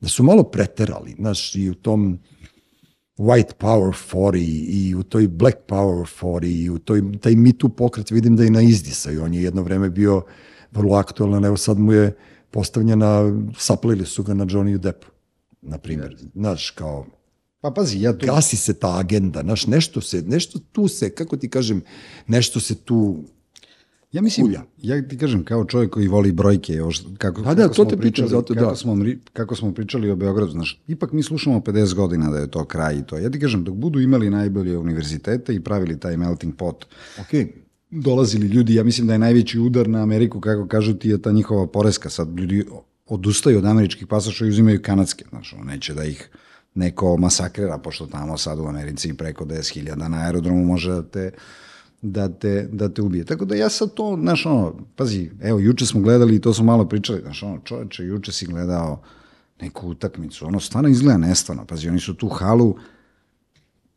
to je nova hala. Znači Pričamo o Golden sta- Stateu i o Pričamo Golden Bostonu, Stateu da. i Bostonu, a pazi, mi ovde imamo posle tih 30 godina utakmicu gde bacaju pišačke čoveče na... Jo, brate, šta se Na- dešava u tom Aleksandar Nikolić, pioniru, i meni je muka. Pogledaj, a išli smo na basket, igrali smo basket i ja mladi. Pazi, teli smo 91. smo mi hteli da uvedemo da se igra na koleđima, to jest na univerzitetima košarka. Pazi kako smo košarku, ja sam gledao Dražena, Kukoča, išao si sve u parteru, bre, bila normalna utakmica. I tad je bila naprednija ta NBA liga, ali mislim da je, znaš, ono, ako je tada bila 10 puta, ona je danas 200 puta naprednija i to sad jeste taj, taj, taj problem. Znaš, ja, na primjer, tu isto ovo što smo pričali o kraju, znaš, ja, ja na primjer, mislim da su Srbi jedini narod koji ne navija za svoj kontinent, to meni najviše smeta, znaš, ja, ja isto, ja, To naj, je stvarno jako čudno, da, ne ja, najviše, ja najviše volim Evropu, znaš, i meni, na primjer, znaš, ono, kad bi sad krenuo da pričam o ljubavi, ja Italiju stvarno se osjećam kao da sam u svojoj zemlji tamo i stvarno, znaš, ono, ne možeš da ne navijaš za to i ti se gledaš, ja sam našao neki time 2020. I kaže dve, i, ka, i on, oni svi se, tada se pričalo samo da će Evropa da pretekne Ameriku, jer je bila tu. I kao, evo je, Evropa je veća od Amerike, ima veću kulturu, ima, znaš, ono, kako ide, kako ide ta scena iz, i ovaj, kako se zove, ono Orson Welles, kada, pa ovaj kaže, kao, čekaj, kao, samo si to kupio od stvari, on kaže, čekaj, bre, oni prave 2000 godina umetnine, ja kupujem pet, kao, stići Da, da, da, znaš. polako. To je taj, Da. to je ta razlika između Amerike, Amerike i Evrope. Sad gledaš tu Italiju s tim dragim, znaš, ono, pazi, ono, sad kako je bila korona, samo si tamo i mogao da ideš, znaš, ono, čovječe završeni autoputevi, sve prekrećili, sad ti vidiš neka, ogromna neka lova ulazi, sad to je, da te ne dajem, veliki je projekat, da li će Italija da uspe, jer stari stanovništvo, ali opet dođeš do tih brojki, znaš, ono, kao sad oni predviđaju da neće da prođe. Jedan od, dragi je njihov deda Avram, pazi, Italija se raspala, čovječe, šta je bila italijanska liga. Pazi, oni su pali 4% u, 20 go, u 16 godina Merkelove, Italija pala 4%, Nemačka porasla 20. Znaš. Pa sad, to je, znaš, ono... A dobro, ali oni imaju i problem sa migrantima, znaš, i sa, sa Znaš, obalnim. ima najveći problem sa staranjem stanovništva. Da, oni su pre- prematori, da, oni, ali vidiš ti, kod nas to, to potenciranje, mladi odlaze, mladi odlaze, šta će žabari da rade, brate? Tamo nema niko ispod 50 godina. Ne, ali to sam ja provalio, ali recimo bio sam u Rotterdamu u Holandiji, nisam video nikog starijeg od 30 godina. Znaš, ne, nešto se tu, kako ti kažem, tu se nešto Pa ja premešta, kažem, tu se znaš. vrti. Ali to ti je ono što si rekao za New York. Znaš, ja, ja najviše volim u New Yorku kad odeš u restoran, čekaj sve, znači od 90 godina do 14, svi se. Pa onda ja, znaš, ti odeš u New York Times, ti ljudi s kojima smo mi radili, oni svi imaju 65 godina, pazi, oni su kompjuterski obrazovaniji od nas. Jer šta, je, šta su 90. Pazi, ja to stalno pričam. Znači, te 90. su moju generaciju masakrirali, naravno. Čovječ, kad ćeš u srednju školu, nema struje, rat, raspadaju ti se roditelji pre tom, haos. Ali vidi, možda su čak uništili moje roditelje više nego mene. Jer gledaj, pa, znaš, moja mama nije znala čoveče da... Ko... Pazi, to je tehnološka revolucija. Ja sam gledao starije novinare. Znaš, on ne može da radi čoveče, jer on nije savladao kompjuter. Da, oni su navikli na one njihove tapa, tapa. Znaš, ja sam rekao svojoj Kevije, neću da ti se javim čoveče, da, ne, neće da uključi Viber u Grčkoj. Kad da, da. budeš poslala, nauči kako se koristi Viber, pa ćemo da pričamo. Ali hoću ti kažem, ti sad ovde nemaš stare ljude. Ti ovde gledaš, znaš, i mi starimo, ali ti nigde ne vidiš. Sad su odjednom kao, znaš, i to je prema starima je haos potpuni. Gde ti vidiš u restoranu stare ljude, da bleje to, da piju kafu ujutru, gde ih vidiš da rade. Znaš ono, pazi, svaki vatrogasac ima moće da u Americi ima 60 godina. I ti kad ga vidiš, nekako mu više veruješ. Znaš, ti kad dođeš kod lekara, Više veruješ starijem lekaru. a klinici. više, kad vidiš klinca, to dalje, možda je klinac najbolji. Meni je riba koja mi je davala vakcinu sad ovaj korona. Znaš, kad je bilo korona, ne korona i sad ja prvi prsan u familiji krenem, onaj čovječi meni kao on, da vas pregledam, ja gledam ono malo starije od moje čerke, doktorka, znaš, a da je došla neka starija gospođa, ja bi ono, evo ti udri bodi, Aha, razumeš? tako, ajde. Ali vidiš, taj ageizam je veliki problem i sad, sad mi se suočavamo s time. Ja, znaš, kao neko kaže, u, pa ne izgledaš e, tako loše za svoje godine. Koje, brate, godine? Ja imam toliko koliko imam, ja uopšte ne vodim računa o tome, e, sem, znaš, u nekim stvarima, sad si pominjao Srđana Valjarevića, ne bre, do pre pet godina smo igrali futbol u školskom odrinki, šibali se, Slavke Futro, znaš, svi momci koji su ono, igrali smo basket do skoro, vidio sam Gorčina koji mi je rekao, je, rekao mi lekar, mogu skočim četiri puta po basketu, znaš, znači, taj ageizam je, je neki produkt, drugo, stariji ljudi treba da budu poštovani od nas mlađih. Mi u stvari i radimo i plaćamo porez da bi ti ljudi mogli da žive lepo. Mi smo oduzeli dostojanstvo nasim starcima. Jesmo. I ona, ona odvratna, ne, sumanuta odluka da ih ne puštamo na ulice, meni je to toliko bilo, veliko teško palo bilo, ili ja sam četiri gospođe obilazio kao helikopter, nosio im stvari, ja nisam verovao da tako neko brutalan može da bude. Ali opet ne mogu ja da krivim sad, da kažem Vučić je kriv za to. Ne, to je globalni, do, došlo, to je globalno naređenje došlo. Kao nama ne trebaju maturi ljudi. Ne, ali kažem ti koliko su oni... Odužio se život, to je zajeba. Razumeš, jer 20. vek je bio na nekim drugim forama. Znaš šta je glavna fora? 21. vek ti je vek besmrtnosti. Ali znaš šta, nije se produžio život, znaš šta? Produžila se starost. E, pa to je ta fora, jeste, Nećeš jeste. imati, jeste. nikad ni ti ni ja nećemo da imamo 25. To je sada ova fora kao, znaš, Lebron igra u 37. Vidi, igrao je Džabar u 42. za titulu. Svoje vremena. Znaš, a nije koristio modernu, znaš, mi sad stalno kao uzmemo dva, tri fenomena, ali vidi, igrao je, igrali su i ranije košarku, mislim, hoću ti kažem ko izgleda, to je sad duhom kako izgledaš to, ali vidi ti i ja nikad nećemo imati, nažalost, 25. Nećemo 35 moći ponovo. više nekad da imamo. I sad je to, pazi, to je Fukuyamina velika sad teorija, jer sad se priča da, u stvari, zašto kao sad i svet glasa, zašto se glasa tako, na primjer? Mhm. Znaš, pošto svi pričaju kako glasaju klinci, klinci su najprogresivniji u Srbiji, znaš. Oni, mi stalno pričamo kako su klinci konzerv, pa ne vidi, klinci idu i na utakmicu i lepe Ratka Mladića, ali se bore i za gej prava i za...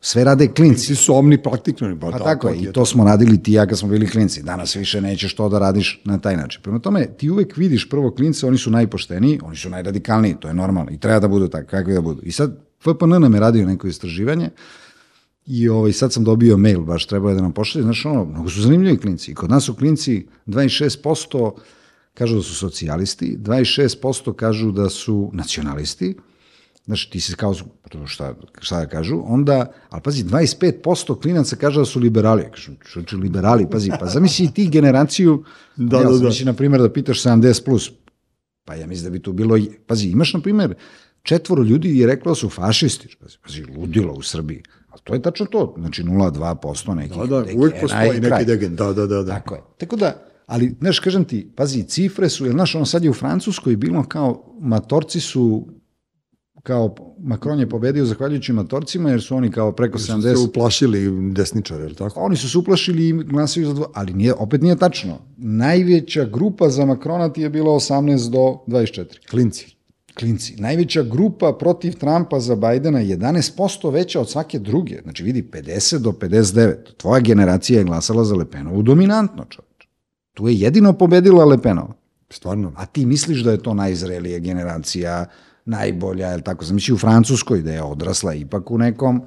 Pa dobro, to možda ima ono veze, znaš, oni su malo onako, naš šminka, ovo, ono, pa kao mrze migrante ili već, ne znam, ja, ne, ne znam kako, nešto, ili ja vidim, e, pazi, imaš ono foru sa Amsterdamom i u Rimu i, i u Parizu, počeli su meštani da se bune protiv turista. Smetaju im turisti, jebote, a ne kapiraju da, im, da su im turisti i hlebom rane, tako da to, to možda, ajde da opravdam tu moju generaciju koja je navikla to, da je, znaš, da, šminkerska, šminkerska ekipa koja je lepo i lagodno živala u svoje vreme i ne kapira da od tih klinaca nama staro zavisi.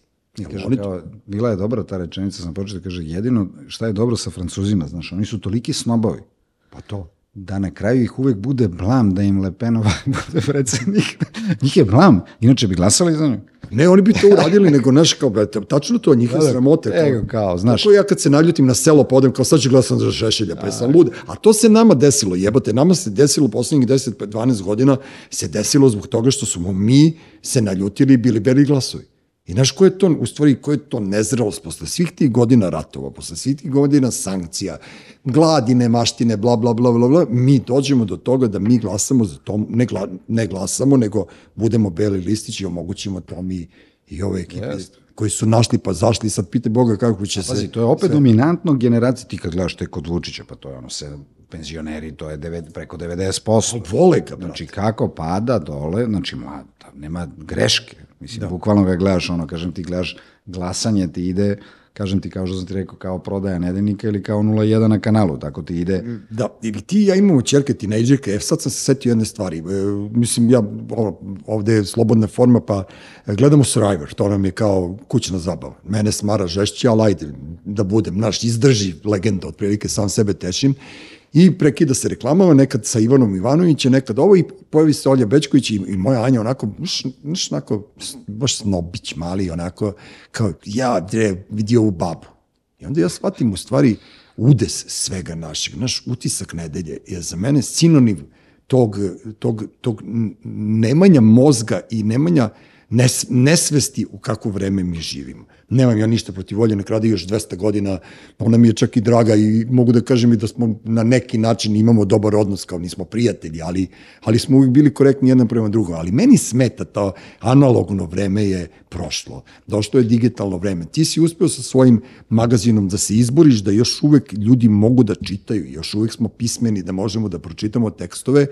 E, pohvalio sam, pohvalio, mnogo, me, mnogo volim intervjue. To mi je nekako naš ono, jer ja kad ne mogu da razgovaram s nekim uživo, ja čitam intervju. I onda na taj način saznaš tako neke, naš, neke lepe, neke, neke, neke stvari koje, koje bi voleo možda da si ti radio, a možda i nisi. I, Znaš, ali znaš koje godište je, na primjer, tip koji je radio Blaža Sliškovića i koji ga ispravlja koja je igrao tada? Pa verovatno mlađi od nas, a? Jeste? 95. Brate, ono, te nađeš, 90. ne, ali ti si, ali dobro, ti si, ti, ti umeš da nađeš je- ove, ne, ja sam, ja sam, Pola ne znam toga. Ja sam prvo pomislio da je Roske radio, ali sam onda shvatio da su postavljena... Je ne, ne, ne, da je najtalentovaniji, postavljao pitanja neko ko zna da igra futbol, pošto Roske, brate, ono, on, Da, da, ono, aj ti da, da. Rosiću stani ovde, nemamo stativu, znaš, tako da, da je to to, 95. godište, pa eto, vidiš, Znaš, to su ti klinci, znaš, to ti kažem, i onda ti gledaš Miloša koga si sreo danas, koga ja znam, Dobro. koje je moje godište. Znaš, i sad ja napišem to da treba se spusti granica, da budemo negde, čovječe, imali smo taj sretenski ustav, hvalimo se danas sretenskim ustavom, iako je trajao dve nedelje, ali sve hvalimo, mi smo ga imali, neko drugi nije imao, bio najmoderniji u Evropi. Da, najmoderniji ustav. A, tako, i šta se, pazi, i, do da, i treba se hvalimo tim. Što ga vi niste usvojili? I sad kažem, pazi, Austrija je spustila granicu na 16, spušta Novi Zeland, Australija, te progresivne zemlje. Glasa se na lokalu, na primjer, u masi zemalja, i u Britaniji, Škotska je prva spustila Wales da ne davi. I čovječe, dođe Miloš, koga si pomenuo na početku. Da. I sad on kaže, mi sad kao komentari Miloš stranaka, Ivanović, svi, nova DSS, da kažemo I sad. on kaže, ja bi pomerio na 21. I sad pazi, hoću da ga vidim, pošto je ovaj Marko. čekaj, teo sam da ga zovem, da mu kažem, čoveče, čekaj, ti tražiš, pazi, ti si profesor na pravnom. Znači, ti tražiš da se tvojim đa, studentima onemogući da glasaju. Njegovo dete ide s mojim detetom u odelenje. Čekaj, šta priča čovjek? I onda još kaže ovo što si pomenuo, kaže šta to, deca gledaju reality. Ne, druže, deca gledaju Survivor, tvoje dete ne gleda niš, ni jedan reality na Pinku, a to gledaju stari ljudi. Znači, nemoj da, znaš ono, tako je lako da lažemo da to, ne rade to deca, to rade ne rade, stari ne, ljudi. jeste, ne, oni ne. gledaju samo nešto moderno i zato gledaju samo, znači, koji oni osim Survivora gledaju Ništa, brate, oni gledaju TikTok i oni uopšte ne znaju, moje, moje dece, ja gledam, ja ih pitam, ja razgovaram sa svojim decom, oni nemaju pojma, bre, oni ne znaju da Pink postoji. Oni ne znaju da postoji ni Olja Bećković s druge strane, razumeš? Tako da ono, prosto treba biti u trendovima, ali treba imati strpljenja i objasniti tim klincima. Znaš kao, evo ja kažem ti, s Milošem uvijek pričam najnormalnije sad da sam, da i ja znam to da je on rekao da za to. zovem. Evo, ti si 21 pročitao. godina, ne mogu da verujem, znaš, da je čovjek to izgovori, ali to je jebi ga politika, oni se zato bave politikom, oni, oni su naučili da lažu, a sad kad ti kažeš da, da je ovde to promena i to, mislim da su oni ovde, znaš, kad je Vučić uzeo vlast, mislim da je on shvatio da on nikad više neće sići s vlasti i on će sve raditi da to ne uradi. E sad, ako mi budemo neki ono ostrava normalnosti, znaš, kao nekako dižeš, dižemo svest, kao čitam nedeljnik koji mi do jaja, pa kao ne znam, slušam ovaj podcast ili odgledam futbol, ili ne znam, znaš, nešto, uvek se, uvek se mi nešto spašavamo na neki način od svega, gledajući taj basket, znaš, kao ta, to ludilo da vi ustajete u jedan noću da gledate basket, znaš, to, smo, to su naši matorci radili sa boksom. Clay, Fraser i to, znači, naš neka ložnjava, i to da pomenem, da, da, da opet kažem, ta ložnjava mora da postoji, ko se ne loži, on je mrtav čovjek, jebate, majke mi rođene, tako da ono, reci mi samo, e, još jednu stvar da te pitam, e, u, sada, da li je, da li je istina ono što, se- što i ja često umem da kažem, da mediji lažu i da je e, da, da, da svim, da, u stvari, naš, ružno zvuči da kažem svi, ne mogu ja sa tebe u, u oči da vređam, mogu iza leđa ko pička Rajgora, ali e, da, da, da, da, da su mediji, da mediji ono spinuju stvarnost i da mediji lažu. Ti si pobegao od toga vrlo inteligentno radeći nedeljnik. I ti komentarišeš od gore, vi ste, vi ste neki dron i Pa onda na i od gore i pitanja, od da. dole i kroz te intervjue vi ono u stvari upotrebljavate druge ljude da kažu ono što vi mislite i to je vrlo inteligentan način saopštavanja neke istine kad to prodeš u nekom paketu. Međutim, e, ja lično, e, kad je bila korona i sad oko ovog e, rusko-ukrajinskog sukoba i tako dalje, tako dalje, ja vidim da je to potpuno ludilo prateći sajt jedan samo naš, kao sa naše strane, neću da ga imenujem, nije ni fair, ovaj, sad, danas je valjda stoti dan e, tog, te e, vojne akcije u Ukrajini, Brate, ti kad gledaš tih 100 dana šta su oni izveštavali, majke moje, ja mislim da je to Mars napao Jupiter, da je Jupiter vratio, ne znam, u Rio de Janeiro, ovaj otišao vamo, bukvalno od vesti do vesti je tolika kontradiktornost da to nije normalno. I to rade bez ikakve posledice. Znaš, to, to, to je ono, znaš, da li je moguće da je to tako? Ili sam ja u pravu ili, ili, ili, ili postoji neko objašnjenje? Pa ne, pazi, sad dobro, to bi mogli da pričamo, znaš, to ti je ono sad velika tabloidizacija, ti je ono, znaš, kako su rekli, složili su se prvi put oko Johnny Deppa, su imali isti naslov CNN i Fox, ovaj, kako se, da pravda nije pobedila, ali potpuno su različito Da. prišli tom problemu, ovi zbog Depa, ovi zbog, znaš, ti sad imaš tog Mardoka, znaš šta, ja mislim da je to najveće zlo u istoriji koje se pojavilo na svetu, znaš, od britanskih tabloida do, pa on je uneo taj, znaš, to je On je to stvarno, uradio, da. To je, znaš, ono, jedan džinovski tabloid u kome ti živiš, tih laži, znaš, jednog ludila. Sad ti pazi, znaš, šta, je- kako oni kažu, znaš, šta je dnevna, pazi, mi se bavimo, kažem ti, mi smo ovo gradili zbog Osima, mi sad, znaš, ono, radimo sad za sledeći broj, Znaš, ono veliko istraživanje, jesmo pravili nuklearnu bombu ili nismo. Daj, znači, da, da, stvarno da, da, da. istoričare, sve sad bijela snima, imat ćemo paklen tekst. Čekaj bre, brate, a ja koliko, ja koliko znam kao da, to, to vam je Milašin radi, Milašinović Goran, ili tako? Da, to je prvi intervju, ali sad imamo stvarno... Ovi to bijelo što je sve. radio, ali ja znam od pre 20 godina da mi u Vinči imao nuklearnu bombu. Znači, ja koji sam, nisam ja sa sela došao, prvo meni neko prodaje Ne, priču. nemamo, bo- ali čitaj. Pa ne, dobro, čitaću Ali naravno, nego da ti je kažem, znači, na dobrom ste vi tragu. Ti to zaustavio to. Da. Ali gledaj, kažem ti šta je, znaš šta je, šta je uloga kao dnevne štampe, znaš? Ti sad imaš taj kao veliki problem, ovo što mi pričamo, mi sad pričamo da su klinci kao neinformisani, pazi mi gledali dva kanala, čitali tempo. Tempo, brate, da da, sad da, da. mi pričali u našem krugu, znaš ono uvijek si imao u kraju nekog ono lupa glu, onda ti prepričavaš. E, on je baron neki, ma Minhausen, A, imaš tako nekog, je. da. Ja ti danas ipak proveriš, znaš, ja, na primjer, ovim klincima kad dođu, ja, ja znam to da ne možeš da glasaš u Vatikanu posle 80. Sto puta sam to pročito, čuo. Ej, kad ukucaš podatak, danas imaš mreže, ubili bi te čoveče, prekontroliši to, prekontroliši ove cifre, koliko je glas, znaš ono, mislim, to je, to je danas... vrlo Ne znaš, googlaj, Tako. tako, tako je. E sad, ali vidi šta je glavna fora. Tebi je dnevna štampa, čemu služi dnevna štampa? To je, znaš, ako nemamo ista interesovanja ti i ja, ono nekad, ti, ti i ja kupimo politiku, pročitamo je ujutru i onda odemo na posao, nas 30, da bi znali o čemu da pričamo. E sad, zato ti moraš da pročitaš i basket i, znaš, ti moraš da Sve da znaš. Tako je. Pa ono, kao sve pomalo znaš da bi mogao da komuniciraš. Šta su donele društvene mreže i šta je doneo internet? Ovo što sad ti kažeš, ja kad ustanem i kad je basket, kad igra Jokić, ja podignem, stvarno imam pretplate i do špigla koga čitam na Google Translate-u, ali ja po, potvaram sve to moje da imam pretplate, ali ako igra Jokić, ja samo čitam o Denveru. Znači, tebi Da, da, da. oko na internetu radi tako, to ljudi ne, ne primećuju.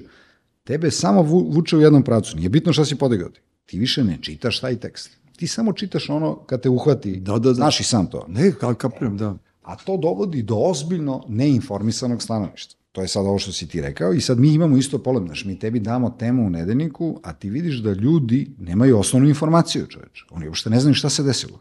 Oni znaju, videli su, e, si vidio na tvi... Znaš, ono, ti gledaš po ljudima s kojima se ti družiš, koji su ljudi, ono, bili u politici, znaš, ono, ti se blaneš da nisu videli neku najosnovniju stvar. Sad, pazi, meni je to posao. Ja pet dana na odmoru, šesti dan hoću da poludim kao da sve, da sve, da sve to pročitam.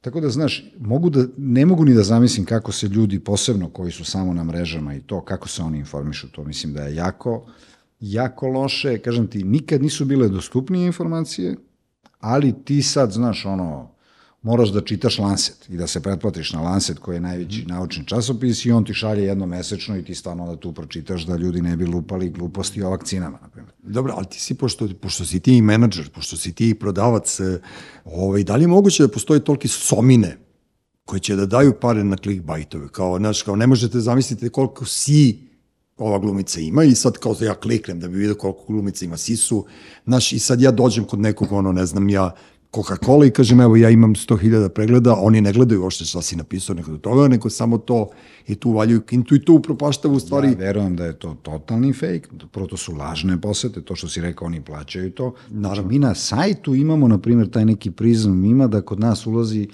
da je kod nas zadržavanje na sajtu, mi ga tako, da, to je mnogo teško, znaš, ti puštaš, ja njima non stop pričam, samo puštaj to. Ali ono, znaš, onda se to ne čita, pa oni lude, pa znaš, to, to Da, se da, ne da, da. čita, ti stvarno sad kad pustiš, znaš, i kod nas se čita Johnny Depp kad pustiš, znaš, ti imaš to sad u novinarstvu, imaš i dobra neka foliranja, znaš, ja to pričam kao primjer, na primjer, na FPN-u stalno. To meni je bilo mnogo interesantno. Mi kad smo imali kolumnu Ljosinu, Dobro. ti staviš Ljosinu kolumnu, veći broj ljudi šeruje Ljosinu kolumnu, nego što, što je klikne da je pročita. Pazi, inače šeruje puta hiljadu. Koje su to fore, da, Znači, da, da. ti da. se foliraš da si ga čitao i ti vidiš samo kako je izašao. Znaš, kad je, je kao svi čitaju. da su- Pazi, Ja, da, da, da, da, da. Znaš, pazi, odmah ti kažem, nikoga ne čita. Znači, kad nije ono, znači ti se šokiraš koliko to malo ljudi čita, čoveče. Sad, okej, takav je, takav je, Što je tebi interesantno kada gledaš te tabele, te, te brojke? Meni, to- ne, to- ja, sam- ja sam stvarno manijak. Puni presek Srbije, da. Ali ti kažem, oni stvarno prave jedan veliki fake. Vidjet ćemo sledeće godine ide ta regulativa da Facebook više neće moći da te gađa ni Google, ono, znaš, ono, bio si u Italiji pa te Da, da, da. sledeće godine neće više moći. To su se izborili veliki mediji da bi ti onda došao i ovaj kaže, znaš, kod mene idu, nema državnih oglasa, već deset godina, to mnogo košta. Znaš, to kad ne, da. pričaju, to, to je ozbiljna cifra, ali naš ovaj kaže radi mega billboard, radi nedeljnik, znaš, ima što čita 71% ljudi s visokim primanjima, Da. 65 sa visokom, znači ti ipak moraš da se, hoću ti kažem da mislim da ćeš tu morati da gađaš tu svoju publiku, njoj se obraćaš, ima je dovoljno u Srbiji, kao i u svakoj drugoj zemlji. Mislim. Evo imam ja informacije, pošto sam ja informisan i video sam svojim očima, ono, rejtinge, šerove, ovo ono. Pink nikad manji šer nema nego kada emituje državnog službenika. Ono, petkom, ja mislim da ga oni da emituju ili subotom, oni nikad manji gledanost nemaju. On je, Željko znači upropastio celu svoju tu televiziju, on je njego, njegove navuku na to zadrugu i to je to. I to su samo to 65-70 plus i onda kad te oglašivači moraju da razmisle malo kome se obraćaju. Znaš, ne možeš ti da prodaješ ono bombone bezubim ljudima, ali ja ne vređam nikoga, neka gledaju, brate, ja bih gledao, znaš, ja sam gledao svoje vremeno, pa nikom nisam smeo da priznam od dinastije pa preko Beverly Hillsa, razumeš tako, da ono, znaš, kao, E da, što to bi je- rekli, oholi pankri pa gleda kao Beverly E, Hills. ali ja ti kažem, tu ja volim tržišnu tu, kažem ti, ne volim etatizam, ali znaš, tržišna ekonomija tebi kaže ipak to, znaš, ono, ja se sećam, Mercedes je kod mene puštao oglase, nije puštao džipove, znaš, nego puštao neke oglase i sad, na primjer, sad naš čita već žena, čak i više nego muškaraca, ali tad je čitalo više dramatično, počeci neki bili, ono, 70% čita politički magazin, normalno. I, I kao sad ti ništa, a ja vidim u Gloriji ide džip. Ja kažem čoveče, ali sad ne razumem, znam da je, ja kažem, Da, da, da, da. koja je logika kao, za ti nije logično da kao tamo ide manje auto. Ona kaže, molim? Pa ne, samo ž, Mercedese kupuju preduzimači, ovi što grade, a dominantno šta će da kupe utiču te njihove žene. Ma dobro, I pazi, to je, mislim, hoću ti kažem, ti vidi, pa pazi, ja kad reklamiram nedeljnik znam gde treba da idem, šta, pa nije to sad ti pustiš kao reklamu da. na Pinku, šta, kakav... A ne, to je ono šta kad, mi, imalo? ja, kad objavim knjigu, ja sad će i Roske da objavi roman novi, znaš, pa te zovu s neke televizije, ti kažeš, brate, Stipne normalno, šta, šta ja tačno Ne radim? ti tako. Tada u to vreme, na tom mestu, znaš, tako da prosto ono, znaš, nije to ta publika i ta publika ne, ne, ne očekuje to. Pošto si ti urednik u novinama i sve to, ne, reci mi, koja je fora sa naslovnim stranicama? Vi nemate nikakav senzacionalizam, znači ti si odustao u startu od toga i ono i, i, i odustao si automatski i od prihoda nekog ne, ne stavljajući ono mrtvu decu na, na stranice. Mene neki stari čovjek pre jedno per par godina u Neymorskom parku pitao, ja mogu nešto da vas pitam, kaže recite, hoće biti rata? Ja kažem, brat, ne znam, čiko, znaš, I onda provolim sine da on čita informer, znaš, pogledam na trafikama, sutra rat, sutra rat, sutra rat. E, da li ljudima produžavaš život sa lošim vestima? Ozbiljno. Da, da li te loše vesti u stvari održavaju ljude u životu, da vide šta će sutra da se desi? Njima ne treba lepota, znaš, kad uđeš u neke godine, tebi ne treba lepota, nego neko zlo da te održi u životu. Znaš, i sad ti kad se boriš tu s nekim ljosom ili nemam pojma šta to... Pazi, ja imam tu, znaš, ja, ja sam se naslušao, na primjer, i tih stvari kad mi pričaju, na primjer, ljudi koji su van medije, kao pa daj da pravimo samo lepe vesti. Pazi, za mene ne postoje ni lepe ni, ni loše vesti, postoje samo vesti. Vesti, naravno. Znači, ej, ajde mi samo da, to što si rekao, vidi, pa čekaj, 17. put kad to kažeš, niko ti, mislim, hoću ti kažem, mi se bavimo Ukrenom kad je Ukrena, tri nedelje imaš samo to kao temu, sad ovaj ludi, onaj ludi, šta da radiš, ti pozoveš više strana, to pokušaš da napraviš.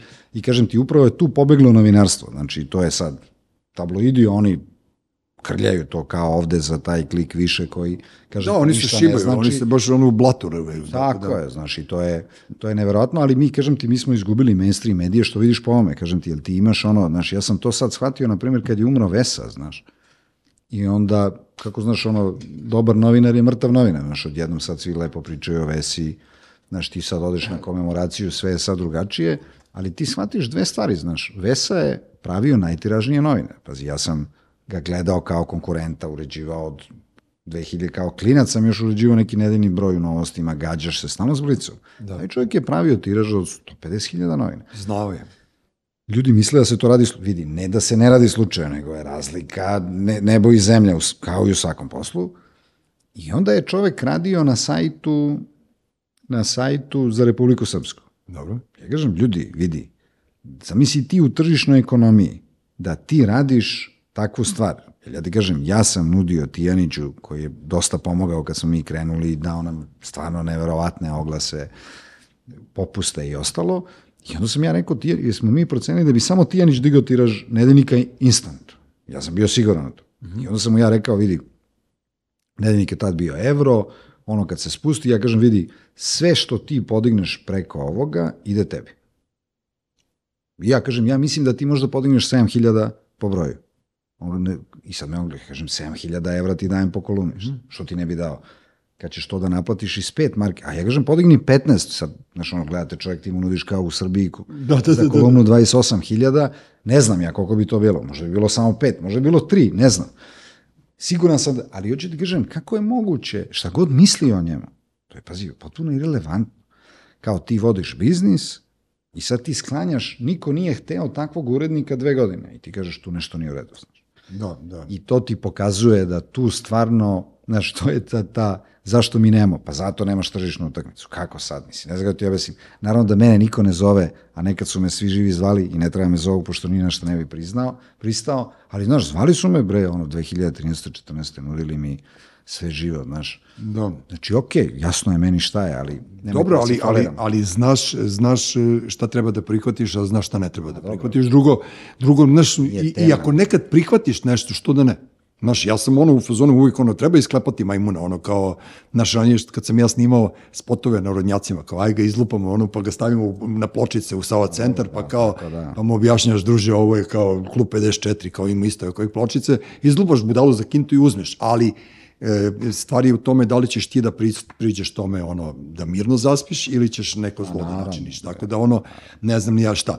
E, ne bih da te zadržavam više. Meni je drago da si došao da smo bukvalno proćaskali. Sada više sam se izgubio i ne znam... Tamo sat vremena, dosta smo pročaskali. Ne, ne, nego ti kažem ono, prosto ne znam, znaš, ne znam, ne znam šta O, smo ovo mi je palo pre neki dan, reci kako je dobro. Stvarno, ukinuo je bleju kao i ovaj rat, čoveče. I stvarno ono, a to mi pre neki dan palo. Čekaj, čoveče, nema blejanja. Je. Nema, Znaš, brate. ono, sedneš ujutru ovo kao, znaš, ono, sednemo, čoveče. Ne, nego kažem ti, ne znam šta smo pričali pred mikrofonom, ne znam šta smo pričali privatno, ali meni je, meni je do jaja, meni je bilo super, znaš, kao, kao sedeo sam s tobom dva sata i pričao, i, i znaš, kao, to je, kako ti kažem, e, to, to je neki benefit ovoga što ja radim, znaš, kao, ili, ili toga što ti radiš, ja kažem, ono, zoveš, ne znam, ne znam, zoveš, ne znam, e, Dobricu Ćosića i pričaš sa Dobricom Ćosićem, bajo, ja sam prolazio, znaš, nisam znao nekad da li da pređem istom stranom ulice ili da ga obiđem.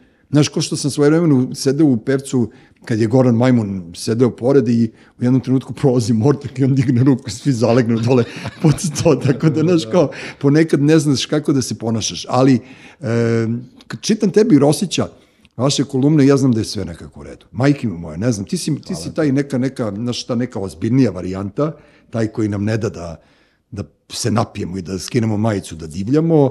Roske mu ga tu uvek daje nešto, znaš, onako fine, fine neke kolače nam ono napravi. Roski je da panker. pravi. Ro, Roski je onako, znaš, kao, onako, znaš, on, ono, dobri, do, dobri, dobri vitez, pošto je on i britanski vitez uspeo i čak i to da uradi zahvaljujući tom radu u nedeljniku.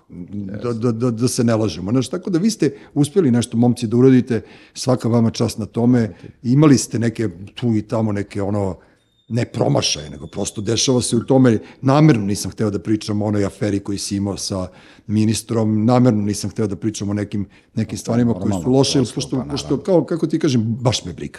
Znaš, ko radi, ima, taj i greši, ti imaš pravo na grešku, nećeš pogrešiti, jesi pametan, pogledat ćeš to sa više strana uvek. Želim ti da budeš živ, zdrav, nasmejan i, što bi rekla Anđelka Prpić, i uz brdo brza, ali ja ne znam što to znači, ali ajde, znaš, kao da, znaš, to su one ne, neke stvari.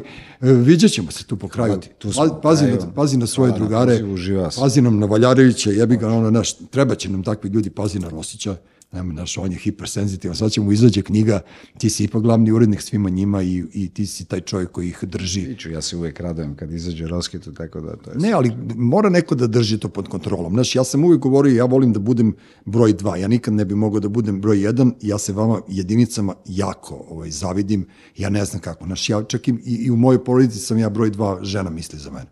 Znaš, ne mogu, znaš, nema, nema, nema svako to u sebi da preuzme odgovornost.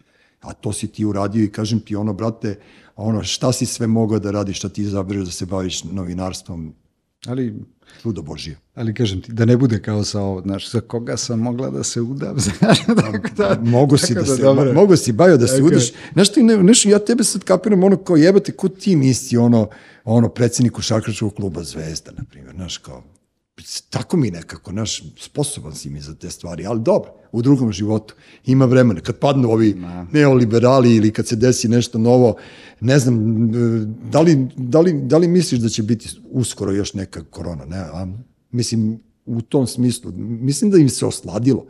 Osladilo se ljudima da, da truju druge ljude, da budu zli.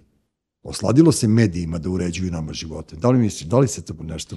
Pa tu imaš, na primjer, isto to kod ovoga, to sam danas pričao sa, sa Valjarevićem, da, na primjer, imaš Srđu Popovića, znaš, pa kad on kaže, kad ga pita na nekoj televiziji, kad ga pita na nekoj crnogorskoj televiziji, da li je mislio da će biti rat, on ga pita. A on kaže, naravno da nisam. I sad ovaj zbunjen novinar, kaže, kako niste, kao ipak, znaš, ono, došli iz Amerike, advokat si čovječe, ti gledaš realno stvari. Znaš, ono, kao zbunio je novinar, pošto danas svi pričamo kako su mislili da će biti rata ili kako u stvari niko ne može da predvidi Da. te stvari, kažem ti, ja ti odgovaram ono kao, inače kolumnisti imaju taj problem, kao krenu, pa nikad ne izbjegavaju pitanje, nego kao uvijek pucaš u trećem, ono, Dobro. to je, to su mi rekli da kao zato je loše na televiziji, znaš, nekad izgleda kad te prekine, a ti u stvari tako pišeš kolumnu, znaš, ono, izne, izneseš tezu pa je na kraju kažeš, ali i onda pita Srđu, kao, pa kako, ni, a on kaže, nisam verovao, nisam verovao da smo toliko loši. Aha, taj faza, pa da. Pazi kako je to dobra, Seti se grafita iz Splita, malo nas, jel smo govna, tako da to ti je to. Naš, ne znam, ja imam vere, ja imam nadu, naš, prosto ono, e, mislim da će Beograd sve nas da nadživi, preživi da će opet da mu se vrati taj neki šmek koji je imao samim tim što ćemo valjda da se otvorimo i da pustimo neke ljude da ponovo počnu da dolaze kod nas, a ne samo da se zatvorimo i da budemo neka ono oportuna sredina i da izađemo naš, u susret nekim novim vrednostima. Meni se mnoge stvari ne sviđaju. Ukinuli su mi sva omiljena mesta, ukinuli su pivo kao piće, sad svi piju vino po vinarijama, puše tompuse i tako dalje i tako dalje, ali pobedit će naša ideja, naša deca će nas naslediti, imaju taj, tu, taj crv bezobrazluka, umeli su, da, naučili su svašta nešto i nadam se da će biti prva generacija koja će odživeti svoj život mirno na bilo koji način, naš ovde u Srbiji, jel, kako smo počeli sa Đilasom, naš, ja stvar, sad bi ja tebe, ono, trkelja ovde mučio do, do sutra, ali neću, petak je, brate, umoran si. Da, petak je, ja se viđam s ovima, ali znaš što, to je isto zanimljivo. Nismo nikad imali više od 20 godina mira, znaš. I to je, na primer, jer pazi, tebi je Jesmo ono, jel, jel tako? Jesmo 50. do 75. od Samo 55. to. Da, Pazi, da, to, je, jedini period kad si imao, kao, da, to je, je- jer pazi, kao, tebi je ubistvo Đinića ratni čin, čoveče. Kako nije, E, brate? čist ratni čin, pazi, to je dve, evo ti, još nema 20 godina. Znači, ali kad uzmeš, to sam čitao Krakova, život čoveka na Balkanu, pazi, to je god, svake godine je rat. Pa svake tri godine je rat. Zamisli te generacije, i što kažeš, tačno ova generacija je stasala jedina u miru, tako da... klinci Ali, su ali super. stasali su miro, ali su fasovali sad majmunske boginje, tako da. ono, ne, ne, ne, naš, e, priči nikad kraja, istini, istini ne znamo gde je istina, ali ako se čovjek opredeli da sluša pametnije od sebe i da veruje nekome, to je jedini način. Znaš, kao, to ti kao i kad slušaš neki bend, nešto ti prija, nešto ti ne prija, izaberi, razmišljaj svojom glavom i na kraju krajeva, ja mislim da je ovaj e, mobilni telefon meni mnogo više znači nego bilo šta više u životu. Znaš, ovde mi je i muzika, ovde su mi i filmovi, ovde su mi i knjige, sve mi je tu. Znači, znaš, nisam ja protiv toga, nisam ja ludista jebi ga ili ne znam ja šta sve, ali volim ipak da uzmem ovaj nedeljnik u ruke. I sad kad si rekao malo pre, ovaj, čoveče, o čemu vi sve vodite računa, jebote, nedeljnik uopšte nije težak. Znaš, nije težak i tako da je lak, lak je za nošenje, a težak za čitanje. Ne, tako ne, da ono, nosi, sad imamo neki dodat, neće ljudi da nose. Jer to danas kupuješ u prodavnici, nemaš više, žene nemaju one velike tašne, ne nose, ne nose se glosi. leti kad staviš pod mišku, jebi ga, ono, znaš, natopiš ga znojem. Nose samo ove pederuše i ove, za, kako, da nose pištolje ovi što grade. Da, da, one, znaš, te, te torbice, ono, ćelovi vratovi i to. Nećemo, ono, kako ti kažem, e, znam šta ti se sve privatno izdešavalo, ti si hrabar čovjek, ja sam hrabar, meni su ono, isto to milion puta, ne znam, se nešto zamerali, pretili ovo ono, ali mi živimo sa osmehom, kao, naš, kao, nikada ta... Naš kraj, naša pravila. Naš kraj, naša pravila, bravo majstore. E, pozdravi su puno svoju redakciju, živ bio, pazi se, čuvaj se, za jednu godinu dana se vidimo ponovo, tu smo u kraju, da pričamo i, i, i ovako, i ajde izblejimo, brate. Mislim da sam te ono izvukao iz tvog ono, ono ludila menadžerskog, bar bar jedno čuko vremena da izblejiš sa mnom i hvala ti puno na tome. Uroš Bogdanović, Vilone Dejković, Veljko Lalić, glavni odgovorni urednik, vlasnik e, magazina Nedeljnik. Bilo mi je zadovoljstvo, čujemo se iduće subote. Treći svet. Treći svet.